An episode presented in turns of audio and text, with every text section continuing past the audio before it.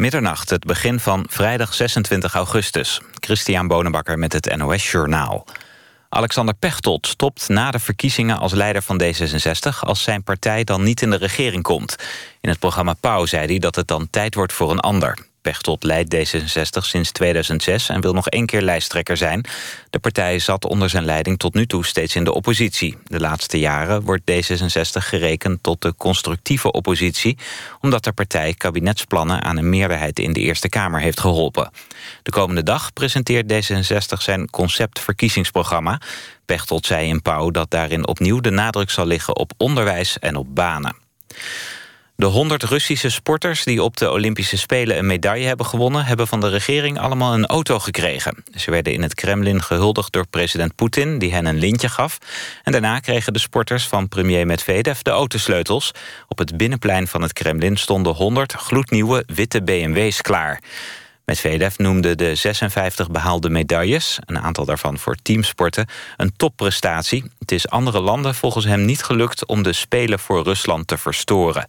Vanwege een dopingschandaal mochten Russische atleten niet meedoen in Rio. Giovanni Martina heeft bij atletiekwedstrijden in Lausanne... een Nederlands record op de 200 meter gelopen. Hij won de race in 19 seconden en 81 honderdste. Die tijd zou op de Olympische Spelen goed zijn geweest voor zilver. Usain Bolt was in Rio maar 300ste seconden sneller. Martina kwam in Rio als vijfde over de streep. AZ heeft zich geplaatst voor de groepsfase van de Europa League. De Alkmaarders speelden thuis gelijk tegen Vojvodina uit Novi Sad. Het werd 0-0. Doordat AZ vorige week in Servië met 3-0 had gewonnen... is de ploeg van John van der Brom door in Europa. Het weer, een warme nacht. Tegen de ochtend is het afgekoeld tot 19 graden. Daarna weer een zonnige dag met maxima van 26 graden in de kustprovincies... en 28 tot 32 graden in het binnenland. Tot zover het NOS-journaal. ANWB Verkeersinformatie. Een file op de A27 Breda richting Utrecht... tussen industrieterrein Avelingen en Noorderloos... 2 kilometer door wegwerkzaamheden. En op de A50 Os richting Apeldoorn... tussen knooppunt Grijsoord en de afrit Hoenderloo... een file van 5 kilometer. Dat is goed voor bijna een half uur vertraging. En dat was de verkeersinformatie. NPO Radio 1. VPRO. Nooit meer slapen.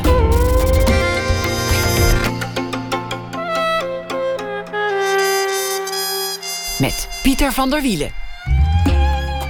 Goedenacht en welkom bij Nooit meer slapen. Na één uur komt Joris Laarman op bezoek. Hij kreeg eerder vanavond de Amsterdamprijs voor de kunsten uitgereikt. Hij is ontwerper, begeeft zich op de grens van techniek en het ontwerpen... met onder meer 3D geprinte stoelen.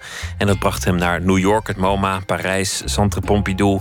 het Rijksmuseum en Groningen. En hij werd al de Rietveld van onze tijd genoemd... door een enthousiaste recensent. Aandacht ook voor Amy Schumer, comedienne, schrijfster, feministe... heeft een autobiografie geschreven en komt naar Nederland voor een optreden we bespreken het fenomeen Schumer met zangeres, schrijfster en fan Stella Bergsma. Dat allemaal na ene. We beginnen komend uur met Paul Witteman. Deze week ontvang ik elke nacht een journalist in het eerste uur... om te praten over werk, leven en vooral de staat van het vak, de journalistiek. En vannacht gaat het dus over de televisie. Verguist, doodverklaard, maar nog altijd de belangrijkste plek waar het gesprek van de dag wordt gevoerd en gevoed. En met wie kan ik dat medium beter bespreken dan met Paul Witteman?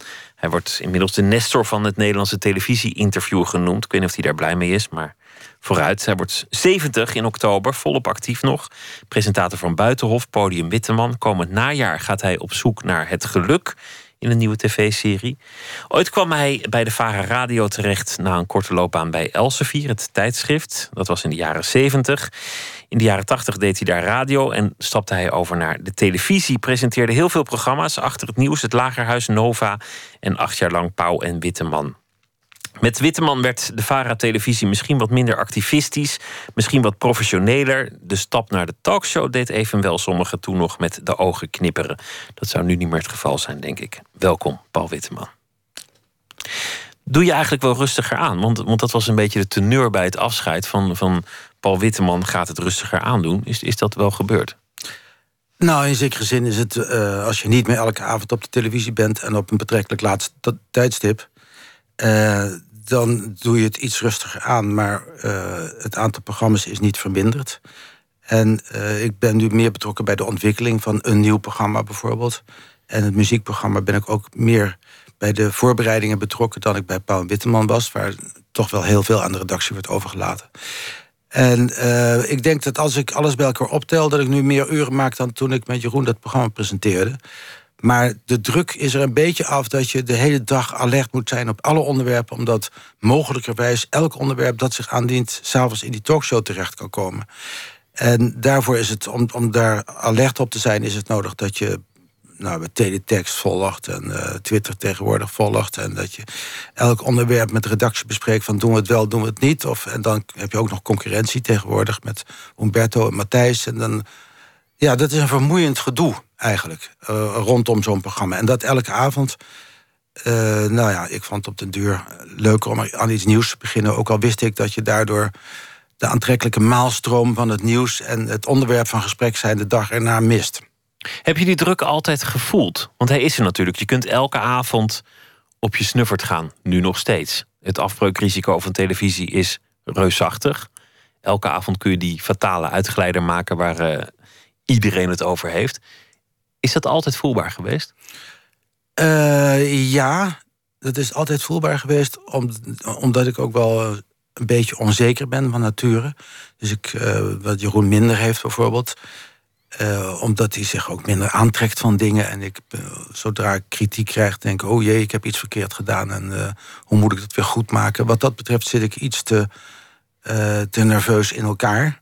Maar daar staat tegenover dat zeker de samenwerking met Jeroen Pauw... was dermate soepel en ook um, in veel humor verpakt...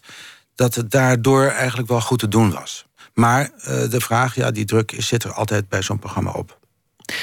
Je noemt jezelf onzeker. Dan is het eigenlijk grappig dat je juist dat beroep bent gaan doen. Ik vind het altijd zo wonderlijk dat mensen juist het beroep krijgen waarvan je op basis van hun persoonlijkheid misschien afhankelijk zou denken: nou, doe jij dat nou maar even niet. Ja, in mijn geval zit daar nog wel een soort geschiedenis aan vast, omdat ik uh, een, uh, een, radiopresentator was, een radioverslaggever was. Het ging allemaal vrij soepel, omdat ik een zekere verbale vaardigheid beschik. En dan heb je dat alvast dat is al wel mooi meegenomen. En toen op de televisie kwam met een soort politiek programma... Uh, waar nog sommige collega's van mij bandjes over van beschikbaar hebben... die tegen veel geld in de handel zijn. Zo slecht ging dat. En toen dacht ik, ja, ik, ik had het ook niet meer te doen... want ik ben er niet goed genoeg voor. En uh, toen ben ik dus weer teruggegaan naar de radio... tot toevallig Marcel van Dam op mijn pad kwam. Nou, helemaal toevallig is dat ook weer niet. Maar in elk geval, die kwam op mijn pad... En die zei, uh, ik denk wel dat je dat kan... en ik geef je een jaar de tijd om dat uh, te doen. Dat betekende dus dat als ik na een half jaar nog steeds er niks van bakte... dat ik dan toch nog een half jaar had om dat weer goed te maken. Maar uh, eigenlijk is het vanaf dat moment vrij goed gegaan. Dus er zit wel een soort psychologie in... dat er een soort sterke man op de achtergrond voor je zorgt... wanneer het niet goed gaat. En dat heeft in mijn geval gewerkt. Had je ook bewijsdrang? Want, want als je, als je zo'n talkshow doet, dan, dan neemt het zozeer je leven over... Je bent al allereerst al vijf nachten van, uh, van huis. En je bent er de nou, hele zal, dag mee bezig. Ik zal niet ontkennen dat ik een bewijsdrang heb. Uh, maar een gezonde bewijsdrang in de zin van ik wil het goed doen. En ik wil dat mensen zeggen, nou die Paul Witteman die kan dat. Dat heeft niet per se iets met een dagelijkse talkshow te maken. Dat, uh, dat heb ik zolang ik bij de televisie werk altijd gehad. Dat moet je ook hebben om bij televisie te kunnen werken. Ja, dat denk ik wel. En dan gewoon als je zo in beeld bent. Want anders doe je dat gewoon niet of, of dan zou je dat niet goed doen. Uh, dan zou je een, een, bepaald soort druk missen die ervoor zorgt dat je geen fouten maakt. Of, of uh, kijk, je, als je een televisieprogramma maakt, zou je in veel gevallen kunnen zeggen dat je met een blanco blaadje begint. Dat, dat dacht ik ook altijd als ik naar, naar de redactie reed. Dacht ik, uh, waarom maak ik me eigenlijk zorgen? We hebben een blanco blaadje, we kunnen doen wat we willen. We kunnen elk onderwerp doen, we kunnen één onderwerp doen, we kunnen tien onderwerpen doen. Dus waarom maak ik me eigenlijk nog druk? En dat, dan is die druk, die, die leidt er toch toe dat je een uh, soort uh, spiritualiteit krijgt, waardoor je iets bedenkt, waardoor het programma er toch weer uitspringt. Dat moet je wel hebben. Als je zoveel programma's maakt, moet je ervoor zorgen dat het niet, een, dat het niet elke dag hetzelfde is. Hoewel het in wezen wel elke dag hetzelfde is, natuurlijk. Bestaat er een verband tussen de onzekerheid en de bewijsdrang? Ja, die is logisch als wat natuurlijk. Het een volgt uit het ander voort. Je komt uit een, uit een tamelijk chique familie. Je, je vader was advocaat, is nog, nog heel even minister geweest. Er werd thuis gemusiceerd. Het, het, is in, in alle opzichten een keurige familie. En dat probeer ik dan te koppelen aan, aan de Vara Radio waar je terecht kwam in de jaren 70 en 80. En, en dan kan ik me zo voorstellen dat je een vreemde eend in de bijt was. En de bijt is in dit geval de familie? De Vara. Of de familie. Eigenlijk allebei. Ja. Uh, ik geloof eerder de familie als bijt. Want uh, ik was de jongste van, uh, van het stel. Van, dus ik had vijf broers en een zus. En ik, kwam helemaal onderaan in leeftijd. Dus ik was al een beetje, daar was ik al een beetje een vreemde eend in de bijt. En toen kreeg je de jaren zestig, waar ik als enige van, de, van, de, van het gezin een rol in speelde, als, verslag, verslaggever in dit geval. En maagdenhuisbezettingen, dat waren allemaal dingen die in mijn familie met, met gefronste wenkbrauwen werden waargenomen. En uh, dus ik leidde daarbij. Ik had ook met mijn vader eigenlijk bijna geen contact. En uh, met mijn moeder ging het vaak over muziek of over emotionele dingen, maar niet over uh, de maatschappelijke ontwikkelingen. Dus ik stond daar een beetje buiten. En de journalistieke ontwikkeling die ik had via een dagblad en daarna een weekblad en daarna de radio en daarna de televisie, die, die was niet onlogisch. En de progressieve kant die mij trok in de tijden van het kabinet en uil heeft mij eigenlijk altijd wel begeleid in mijn keuze naar wat voor soort programma's ga ik maken. De keuze voor de VARA om te beginnen. En de VARA had destijds een heel actieve en goede, scherpe radioafdeling. Daar werden hele goede programma's gemaakt. Activistisch inderdaad ook wel. De Rode Haan. De Rode Haan, ja. En, en de Rode Kring en de Rode... Rode Cirkel. De Rode Cirkel. Ja. En dat waren ontzettend leuke programma's om uh, voor te werken. En uh, daar heb ik al heel erg goede herinneringen aan. Omdat ze ook inderdaad die vrijwel dagelijkse uh, productie hadden. Zonder de afbreukrisico's die aan de televisie vastzaten. Het was eigenlijk een leuke tijd. Je had het best je hele leven kunnen doen. Nee, dat ook weer niet. Dat was Want, nou ja, ook omdat je, als je dan toch een beetje ambitieus bent... dan wil je ook het medium kiezen wat de meeste invloed heeft. En dat was toch in die tijd wel en eigenlijk nog wel de televisie. Je hebt het professioneler gemaakt. Dat is een verdienste die jou wordt toegedicht. Uh, de VARA werd wat meer journalistiek en wat minder activistisch. Het werd misschien in bepaalde opzichten degelijker, maar daardoor ook professioneler en, en met een aansluiting naar een groter publiek. Zie je daar wat in? Ja, het is wel veel eer. Uh, ik denk dat, dat uh, die ontwikkeling begint bij Marcel van Dam, eerlijk gezegd. Omdat hij, toen hij aantrad als voorzitter, heeft laten onderzoeken waar het slechte imago van de VARA vandaan kwam. Dat is een heel erg duur en onbestreden onderzoek geweest. Maar het werd met veel poeha gepresenteerd. En wat je er in elk geval uit af kon leiden... was dat uh, de gelijkhebberigheid van de VARA... Uh, een, een breder publiek in de weg stond. Dus toen heeft Marcel gezegd... Op welke punten kunnen wij ons bedrijf nu zo veranderen... dat mensen als ze het begrip VARA horen niet denken... maar denken, hé, hey, interessant. Of dat maakt mij nieuwsgierig. En een van die maatregelen die hij uh, nodig achtte... was dat het gezicht van de actualiteit, de nieuws die we toen hadden... zou veranderen en vriendelijker zou worden. Uh, dat was maar één van de maatregelen, want er waren ook, er zijn met Sonja Barend gesprekken geweest... die ook een andere uitstraling moest hebben. En zo is het op het hele beleid van de VARA zijn maatregelen getroffen... om wat jij noemt professionalisering toe te passen. En daar was ik een onderdeel van en daar heb ik gretig gebruik van gemaakt. En ik denk dat toevallig ook wel die eigenschappen in mij aanwezig waren om dat te kunnen. Het was gewoon je karakter dat ervoor zorgde dat het beschaafd bleef. Ja, dat, daar hoefde ik geen moeite voor te doen. Hebben je ouders het een goede stap gevonden? De televisie hebben ze ooit gezegd: Goh, wat, wat, wat knap dat onze zoon de televisie heeft gehaald. Uh, mijn vader heeft het niet meer meegemaakt, geloof ik. Uh, of hij was al zo ziek dat hij dat in elk geval niet, uh, dat we dat niet bespraken. Ik weet ook niet zeker of we dat anders wel gedaan zouden hebben, maar dat valt niet te bewijzen. En mijn moeder, uh, die was wel in mij uh, emotioneel geïnteresseerd, maar niet professioneel. Dus die was, die was zelf niet zo'n consument van, uh, van nieuws of wat, wat daarmee samenhing. Want ze was meer van de muziek en het was niet ja. haar interesse. Maar keek ze er ook een beetje op neer? Van televisie, ja. Hm. Mm, nee, dat geloof ik eigenlijk niet. Zelfs dat niet, kun je zeggen. Er, waren, nee, er, was, uh, er was wel enig dédain in mijn familie voor de journalistiek in het algemeen. En mijn vader was, behalve die dingen die je noemde, ook nog commissaris van de VNU. En daaronder vielen tal van bladen. En uh, ook Dagblad de Tijd, waar ik begonnen ben. en ja, hij stond daar zo hoog als commissaris in. En ik helemaal als leerling-verslaggever helemaal onderaan. In die tijd heb ik weinig gemerkt van enig uh, waardering voor het journalistieke vak als zodanig. En dat voor, van mij het bijzonder. Er zijn een, een, heleboel momenten die ik zou kunnen benoemen van, jou, van jouw loopbaan. Eén springt er toch met kop en schouders bovenuit. Dat was eigenlijk een vrij klein moment, maar het is geschiedenis. Dit, dit haalt de geschiedenisboek en je weet al meteen waar ik het over heb. En we gaan luisteren naar een fragment.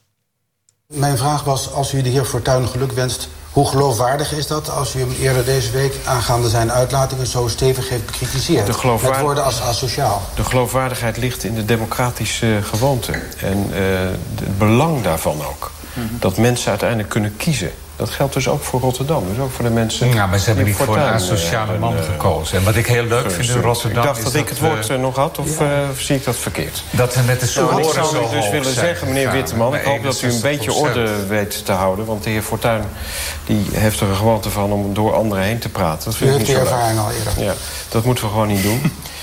6 maart 2002. Pim Fortuyn heeft in Rotterdam uh, een grote overwinning geboekt bij de gemeenteraadsverkiezingen. Heel laat s'nachts in, in een verlaten studio in Apeldoorn, als ik het me goed herinner, vindt dan een debat plaats tussen Fortuin en de aanstaande verliezers. Naar het er dan naartoe toch, uh, toch een beetje uitziet van de verkiezingen. En dit is vrijwel meteen de opening van dat debat. En dan moet jij heel snel kiezen. Want jij zit daar als presentator en je moet, je moet heel snel een aantal keuzes maken. Welke toon eh, pak ik, wie geef ik het woord? En je wordt persoonlijk aangevallen als moderator. Heeft u wel de leiding, eh, meneer Witteman? Ja, ik denk uh, dat de geschiedenis die aan die uitzending voorafging...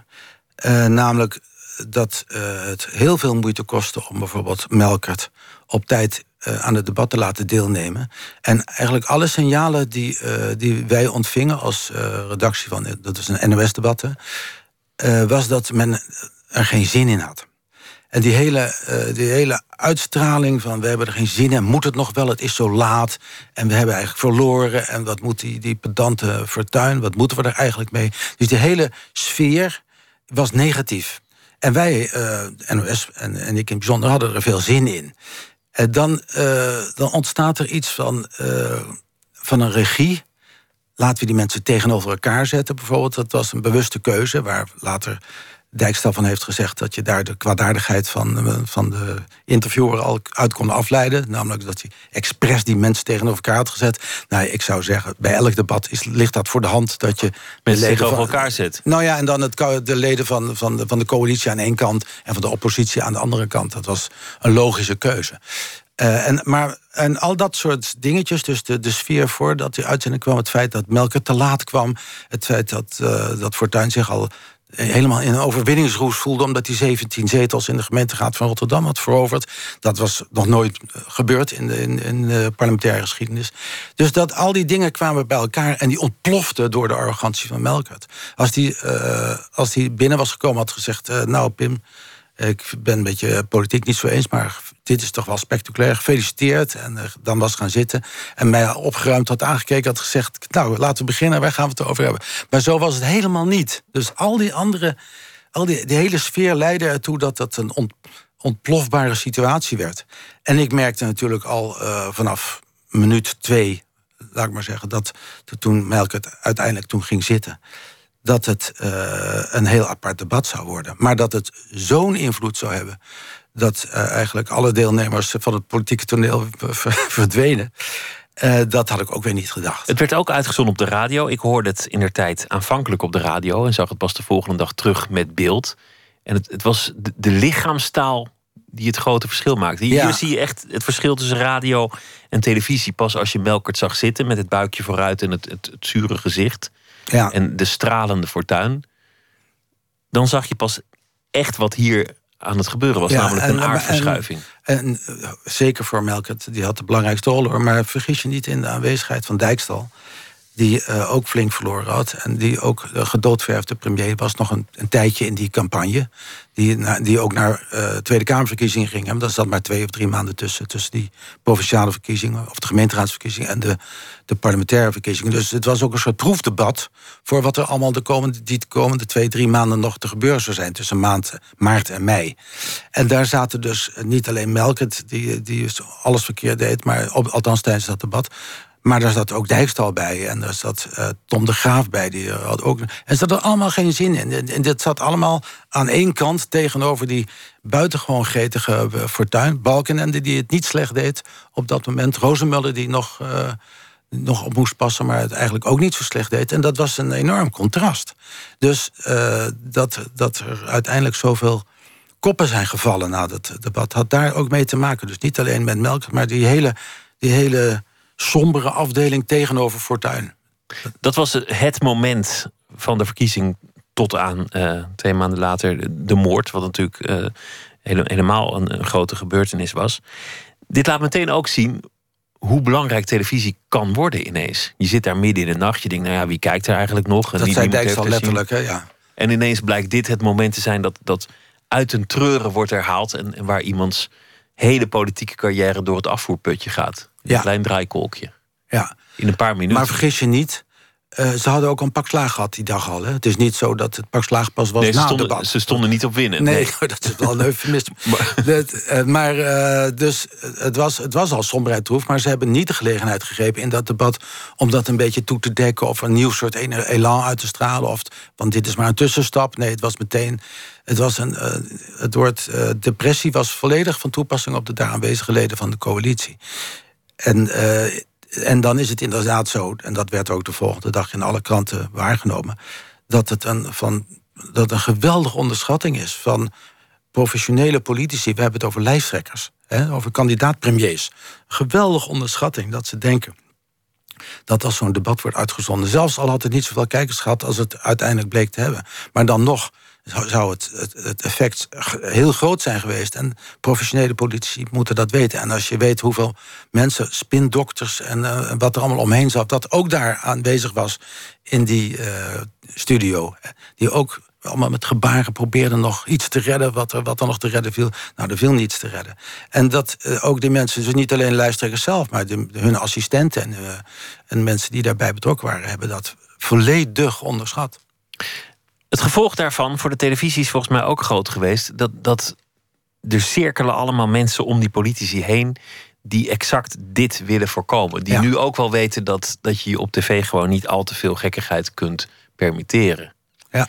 Is het nog wel leuk? Zit er nog wel spanning in het interviewen van politici voor televisie? Nou, dat is. Uh het antwoord is ja, het is nog steeds leuk. En in Buitenhof doe ik het heel graag. Want politici zijn toch de mensen die over ons beslissen... en over of de AOW doorgaat en of de pensioen gekort wordt... en weet ik wat, dat zijn hele belangrijke beslissingen. En de mensen die die beslissingen nemen... moeten ter verantwoording worden geroepen.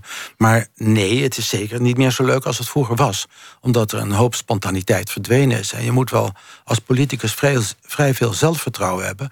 om uh, niet helemaal kapot getraind naar zo'n interview te gaan. Uh, en er zijn er die dat goed kunnen. En gelukkig uh, zullen die de komende verkiezingen ook meedoen.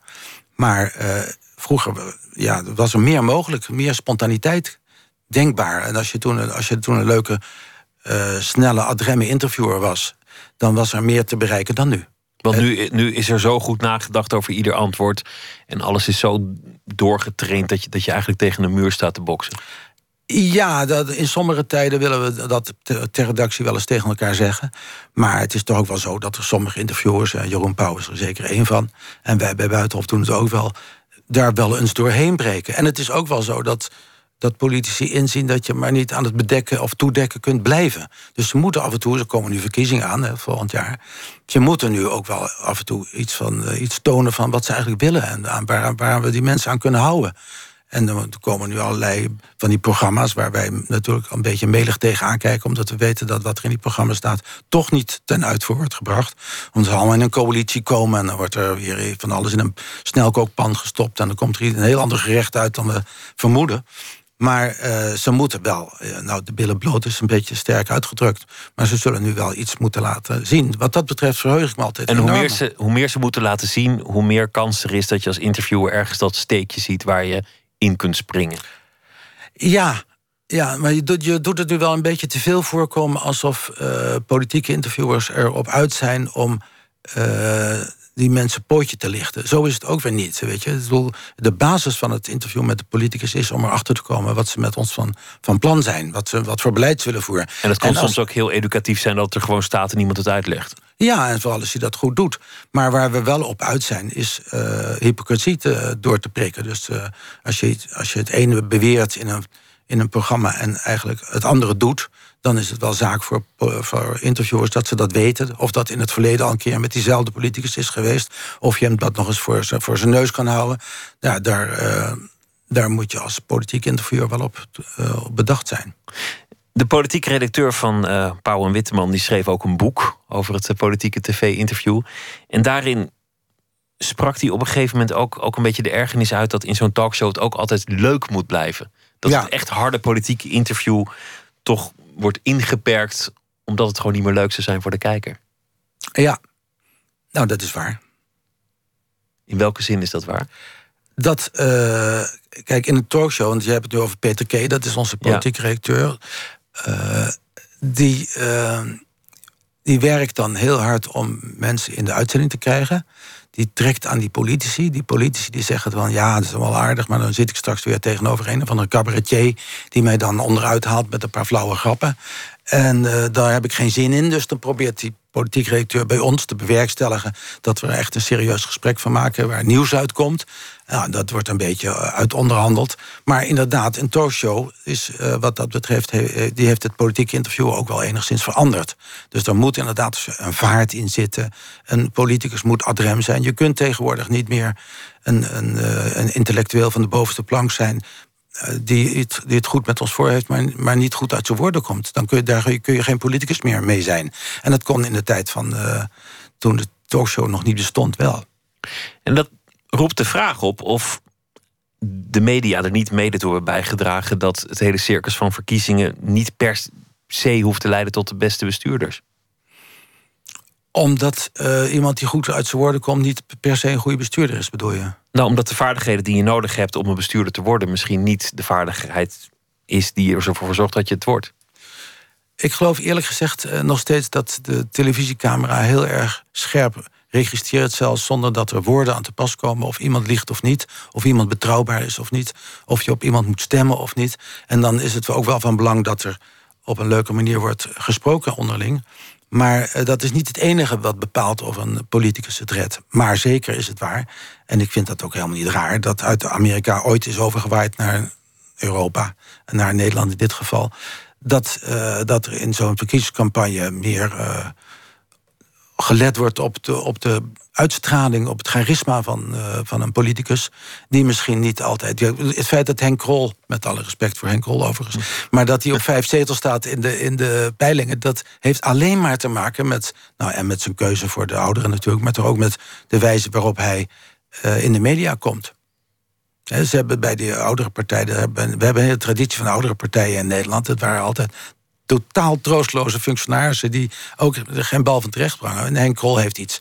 Die was vroeger mediaadviseur bij de VVD, dus die weet hoe hij de media moet bespelen. Je moet dus weten, hoe, dat, dat zul je gevolgd hebben, hoe de afgelopen week een, toch een, een uh, nou laat ik het voorzichtig formuleren, een komisch partijprogramma van de 50PLUS is gepresenteerd. En hoeveel publiciteit dat heeft gekregen. Omdat iemand gewoon mediageniek is en dat spelletje goed begrijpt. Ja. Vind je dat niet jammer? Want uiteindelijk is de essentie voor jou, dat zei je net nog, van ik wil de mensen bevragen die, die uiteindelijk ervoor zorgen dat het land goed bestuurd ja. wordt. Maar het is, kijk, in, in al die publiciteit die hij heeft gekregen, is hij ook wel onderuit gehaald. Regelmatig, ja. Dus het is ook weer niet zo dat, uh, dat, uh, dat wij, omdat die leuk praten, denken van nou, we nodigen hem uit en uh, hij klets maar wat voor zich uit, prima. En nu de volgende gast. Zo is het ook weer niet. Maar het is wel zo dat die partij vermoedelijk een aantal zetels zal halen, omdat hij een enigszins charismatisch, je moet ook niet overdrijven met Henk Krol, maar het, hij heeft een soort uitstraling waar sommige mensen wel in geloven. En Jan Nagel, de voorzitter van die partij in het bijzonder. Het is ook niet helemaal nieuw. Het is al sinds de jaren zestig een, een feit dat je het leuk moet doen op, op televisie. We gaan uh, luisteren naar muziek. Niet uh, Bach, wat je zou verwachten in een uitzending met uh, Paul Witteman, maar iets dat is uitgekozen door Lotje IJzermans. Tangerine, een tweeling uit Nederland, hebben een nieuw album gemaakt, opgenomen in Texas, samen met de Amerikaanse band Calexico. En het nummer heet Things Go Like This Anyway.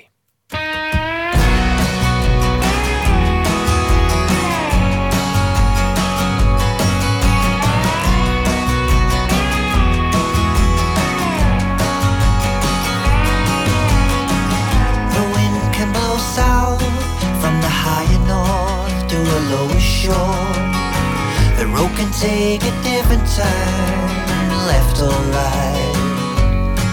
And the wind can blow heavy, and the wind can blow heavier.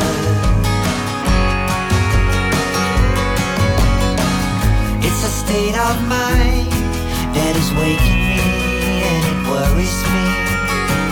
There's a thought inside of me that is telling me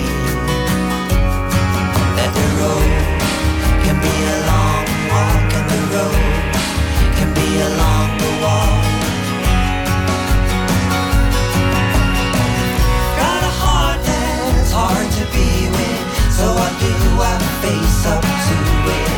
It's a part of life, some people say,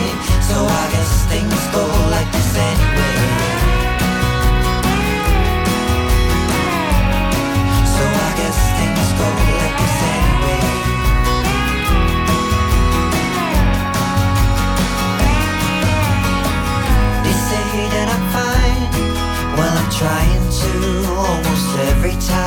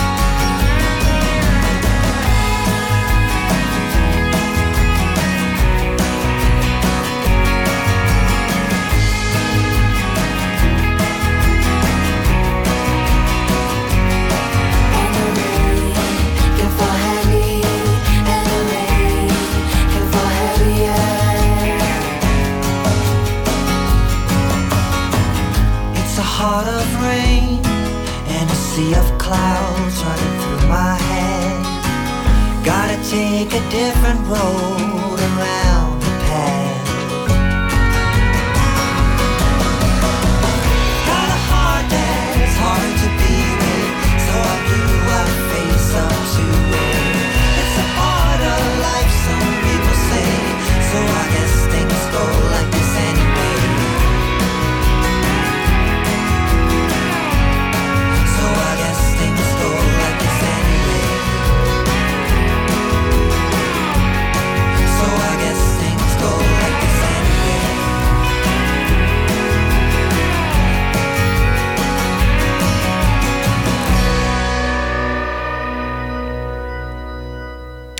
Tangerine, Things Go Like This Anyway. Nooit meer slapen in gesprek met Paul Witteman in onze week over de journalistiek.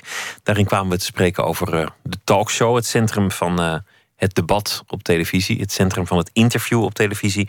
Ook van de politiek, maar ook heel veel andere dingen. Er is nog iemand van de redactie die een boek heeft geschreven. De Jacht om de Gast was het boek van een van jullie redacteuren. En eh, daarin kwam eigenlijk één ding af en toe terug, namelijk dat, dat, dat jij een beetje hoofdschuddend zei. Nou, nou, nou, moeten we dat nou wel doen? Dat jij wat voorzichtiger was dan de rest van het team in hoe ver je moest gaan met gasten uitnodigen. Je had niet overal zin in. Nee, het, eh, ik kan me herinneren dat het zich toespitst op het uitnodigen van eh, voetbalsupporters van Feyenoord. Ja, er was toen, toen iets aan Die de hand waren, geweest. Ja, waren- en die waren best, best gewelddadig, die jongens. En eh, ook niet helemaal nuchter altijd. En die, uh, wat nou precies de aanleiding was, weet ik niet meer. En een van de jongens had een boek geschreven, in elk geval over het hooliganisme. Hooliganisme, ja. En uh, die wilde daar s'avonds wel komen. En onze redactrice, die dat boek heeft geschreven, Rachel... die vond dat een uitdaging. En ik aarzelde daarin, want ik dacht... is het nou leuk om... Hoe, wat, wat gaan we leren van die jongens? En moeten we dan het risico nemen dat er een puinhoop wordt, dat, er, uh, dat de boel wordt afgebroken in de studio? Want uh, dat zou dan ook nog moeten, dat moeten we dan met, met veiligheidsmaatregelen zien te voorkomen. Dat vond ik nou niet helemaal de kern van een, uh, van een talkshow. En van de andere kant waren er ook redacteuren die zeiden, want dat lag tamelijk verdeeld. Er waren ook redacteuren die zeiden, nou, dat is juist leuk, dat is weer eens wat anders. En anders dan die vier saaie heren over de politiek of zo, weet je wel. En in die gevallen was ik altijd iets uh, terughoudender dan, uh, in geval dan mijn collega Pauw. Het is altijd de vraag, waar gebeurt het? Wie heeft het gesprek van de dag? Wie heeft de gast van de dag? Waar is dat bijzondere tv-moment? Kortom, wat is het, het programma waar je op afstemt? Zeker in periodes dat er ook concurrenten zijn, is dat heel moeilijk. Nou, nu, heb je Pauw solo. Eva, die gaan het dan afwisselen in het komende seizoen. Dat was het grote nieuws. Met de verkiezingen gaan ze het samen doen. Je hebt Umberto die het doet. En dan is er de strijd om de kijkcijfers. Hoe, hoe bepalend is dat? Is dat soms het eerste wat je dan doet om acht uur die, die grafiek bekijken? Eh, nou, de grafiek komt iets later, maar het, aantal kijkers is reeds om half acht beschikbaar. En uh, in de tijd dat ik dat programma mede presenteerde, ging ik daar s ochtends wel naar kijken, ja. Omdat je altijd geïnteresseerd bent uh, in de vraag of het iets te maken heeft met de keuze die je gemaakt heeft. Dus normaal gesproken heeft zo'n talkshow, althans in die tijd, een miljoen kijkers.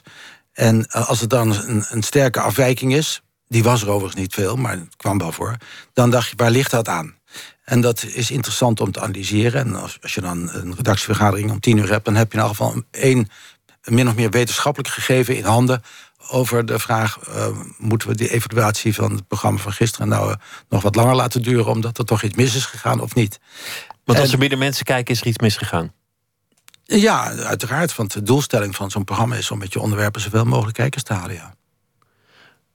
Maar er kunnen ook onderwerpen zijn die, die belangrijk zijn en die misschien niet de kijkers trekken. Er kunnen andere onderwerpen zijn waar je eigenlijk geen zin in hebt, maar je denkt, nou ja, dat is wel. Dan doe je dat, dat natuurlijk. Dus als je bijvoorbeeld, uh, wat we wel deden, een cultureel onderwerp uh, neemt, dan weet je dat er wat minder kijkers uh, voor te, te porren zijn.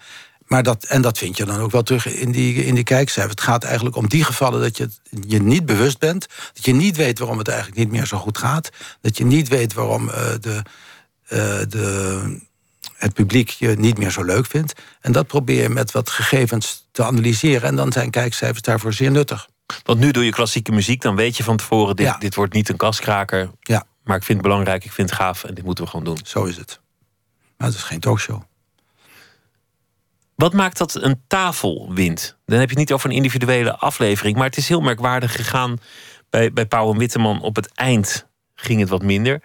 Pauw Solo heeft enorm moeten, moeten vechten om weer kijkers op te bouwen. Nou ja, zo, zo hoeven niet, niet al die programma's door te nemen. Maar er lijkt een soort magie te zijn die ineens kan verdwijnen, die ineens kan komen. Maar dat is de tafel waar je naar wil kijken. Ja, ik denk eerlijk gezegd. Uh, ik ben nu twee jaar weg, dus ik wil nog niet uh, de, de, de zijn van de talkshows. Maar uh, de uitstraling van de presentator is natuurlijk van een groot belang. Dus Jeroen heeft een hele goede uitstraling. En Eva ook trouwens. En Matthijs ook. Ja, dat, dat zijn tamelijk onvervangbare mensen. Het is wel zo dat, dat er ook nieuw talent komt. En er komt natuurlijk wel weer een nieuwe Jeroen Pauw aanzetten. En er zal ook wel weer een nieuwe Matthijs komen. Hoewel dat alweer iets moeilijker is. Maar uh, daar wil je naar gaan kijken. Ik zeg ook altijd tegen mijn broer of zo... Of die bij mij bezoek is, of tegen mijn vriendin... Uh, zullen we naar Jeroen kijken? We zeggen niet, gaan, gaan we naar Pauw kijken. Of we zeggen, zullen we naar Matthijs kijken? We zeggen niet, laten we naar de wereld door gaan kijken. Dus het, het, dat is natuurlijk het riskante en tegelijkertijd aantrekkelijke van zo'n programma presenteren... is dat je het besef hebt dat het heel erg afhangt van of jij het goed doet. De persoonlijkheden zijn eh, nou eenmaal het ja, kapitaal. en dat geldt ook uh, trouwens misschien wel a fortiori voor de gasten. Dus als je uh, het zij uit gemakzucht, het zij omdat je denkt... ik wil eens wat, wat nieuws uit gaan proberen, wat nieuwe mensen aan die tafel... Uh, dan merk je dat de aandacht verslapt. Omdat het nu eenmaal een ijzeren wet is... dat mensen met een bepaald, bepaalde bekendheid... en een bepaalde uitstraling... en een gevoel voor humor... Dat je, je kunt zo een profiel maken van wat de ideale talkshow-gast is. En uh, wat dat betreft is een talkshow ook vaak een invulling. Je hebt een onderwerp, dat dient zich aan in de actualiteit. Je hebt daar een potentieel aantal gasten voor die we kennen, omdat ze al eerder in het programma zijn geweest. En dan moet je de goede combinatie maken. En dan komt het ook wel voor dat er plotseling een rising star is. De Jesse Klaverachtige types, maar uh, dat gebeurt maar heel weinig. Toch zie ik een soort contrast tussen, tussen hoe het was toen jij begon. En het is ook logisch, want er zijn 40 jaar verstreken. Dus dan, dan mag, mag er ook wel iets veranderen. En ik wil ook niet, niet schoppen tegen iets dat al heel lang aan, aan de hand is. Maar hoe kijk jij er tegenaan als, als een journalist van, van, een, van een vrij degelijke traditie? Overgegaan op de talkshow, dat heel lang gedaan. En hoe kijk je er nu aan? Ben je als journalist daar altijd blij mee? Met hoe bepalend de talkshows zijn geworden voor de tv-journalistiek? Uh, ja, het is onontkoombaar. Het is nou eenmaal zo. Het is, nou ja, kijk, het is ook weer niet zo dat wij in Nederland de talkshow hebben uitgevonden. Het is overal. Het is overal. En, uh, dus dat, en het is een manier uh, om informatie voor een breed publiek te brengen. Dat, dat, dat moet je toch ook niet met al te veel dédain behandelen hoor. Het is toch best een behoorlijke prestatie. Neem nou Matthijs, die een, een, een, programma maakt waar anderhalf miljoen mensen naar kijken, waar toch heel veel culturele onderwerpen in zitten, die anders amper uh, belangstelling had gekregen. En zo'n en talkshow à la Pauw nu, waar veel politiek in zit, waar veel discussie over de, nou, in dit geval bijvoorbeeld de Turkse uh, aangelegenheden tussen Erdogan en Gulen.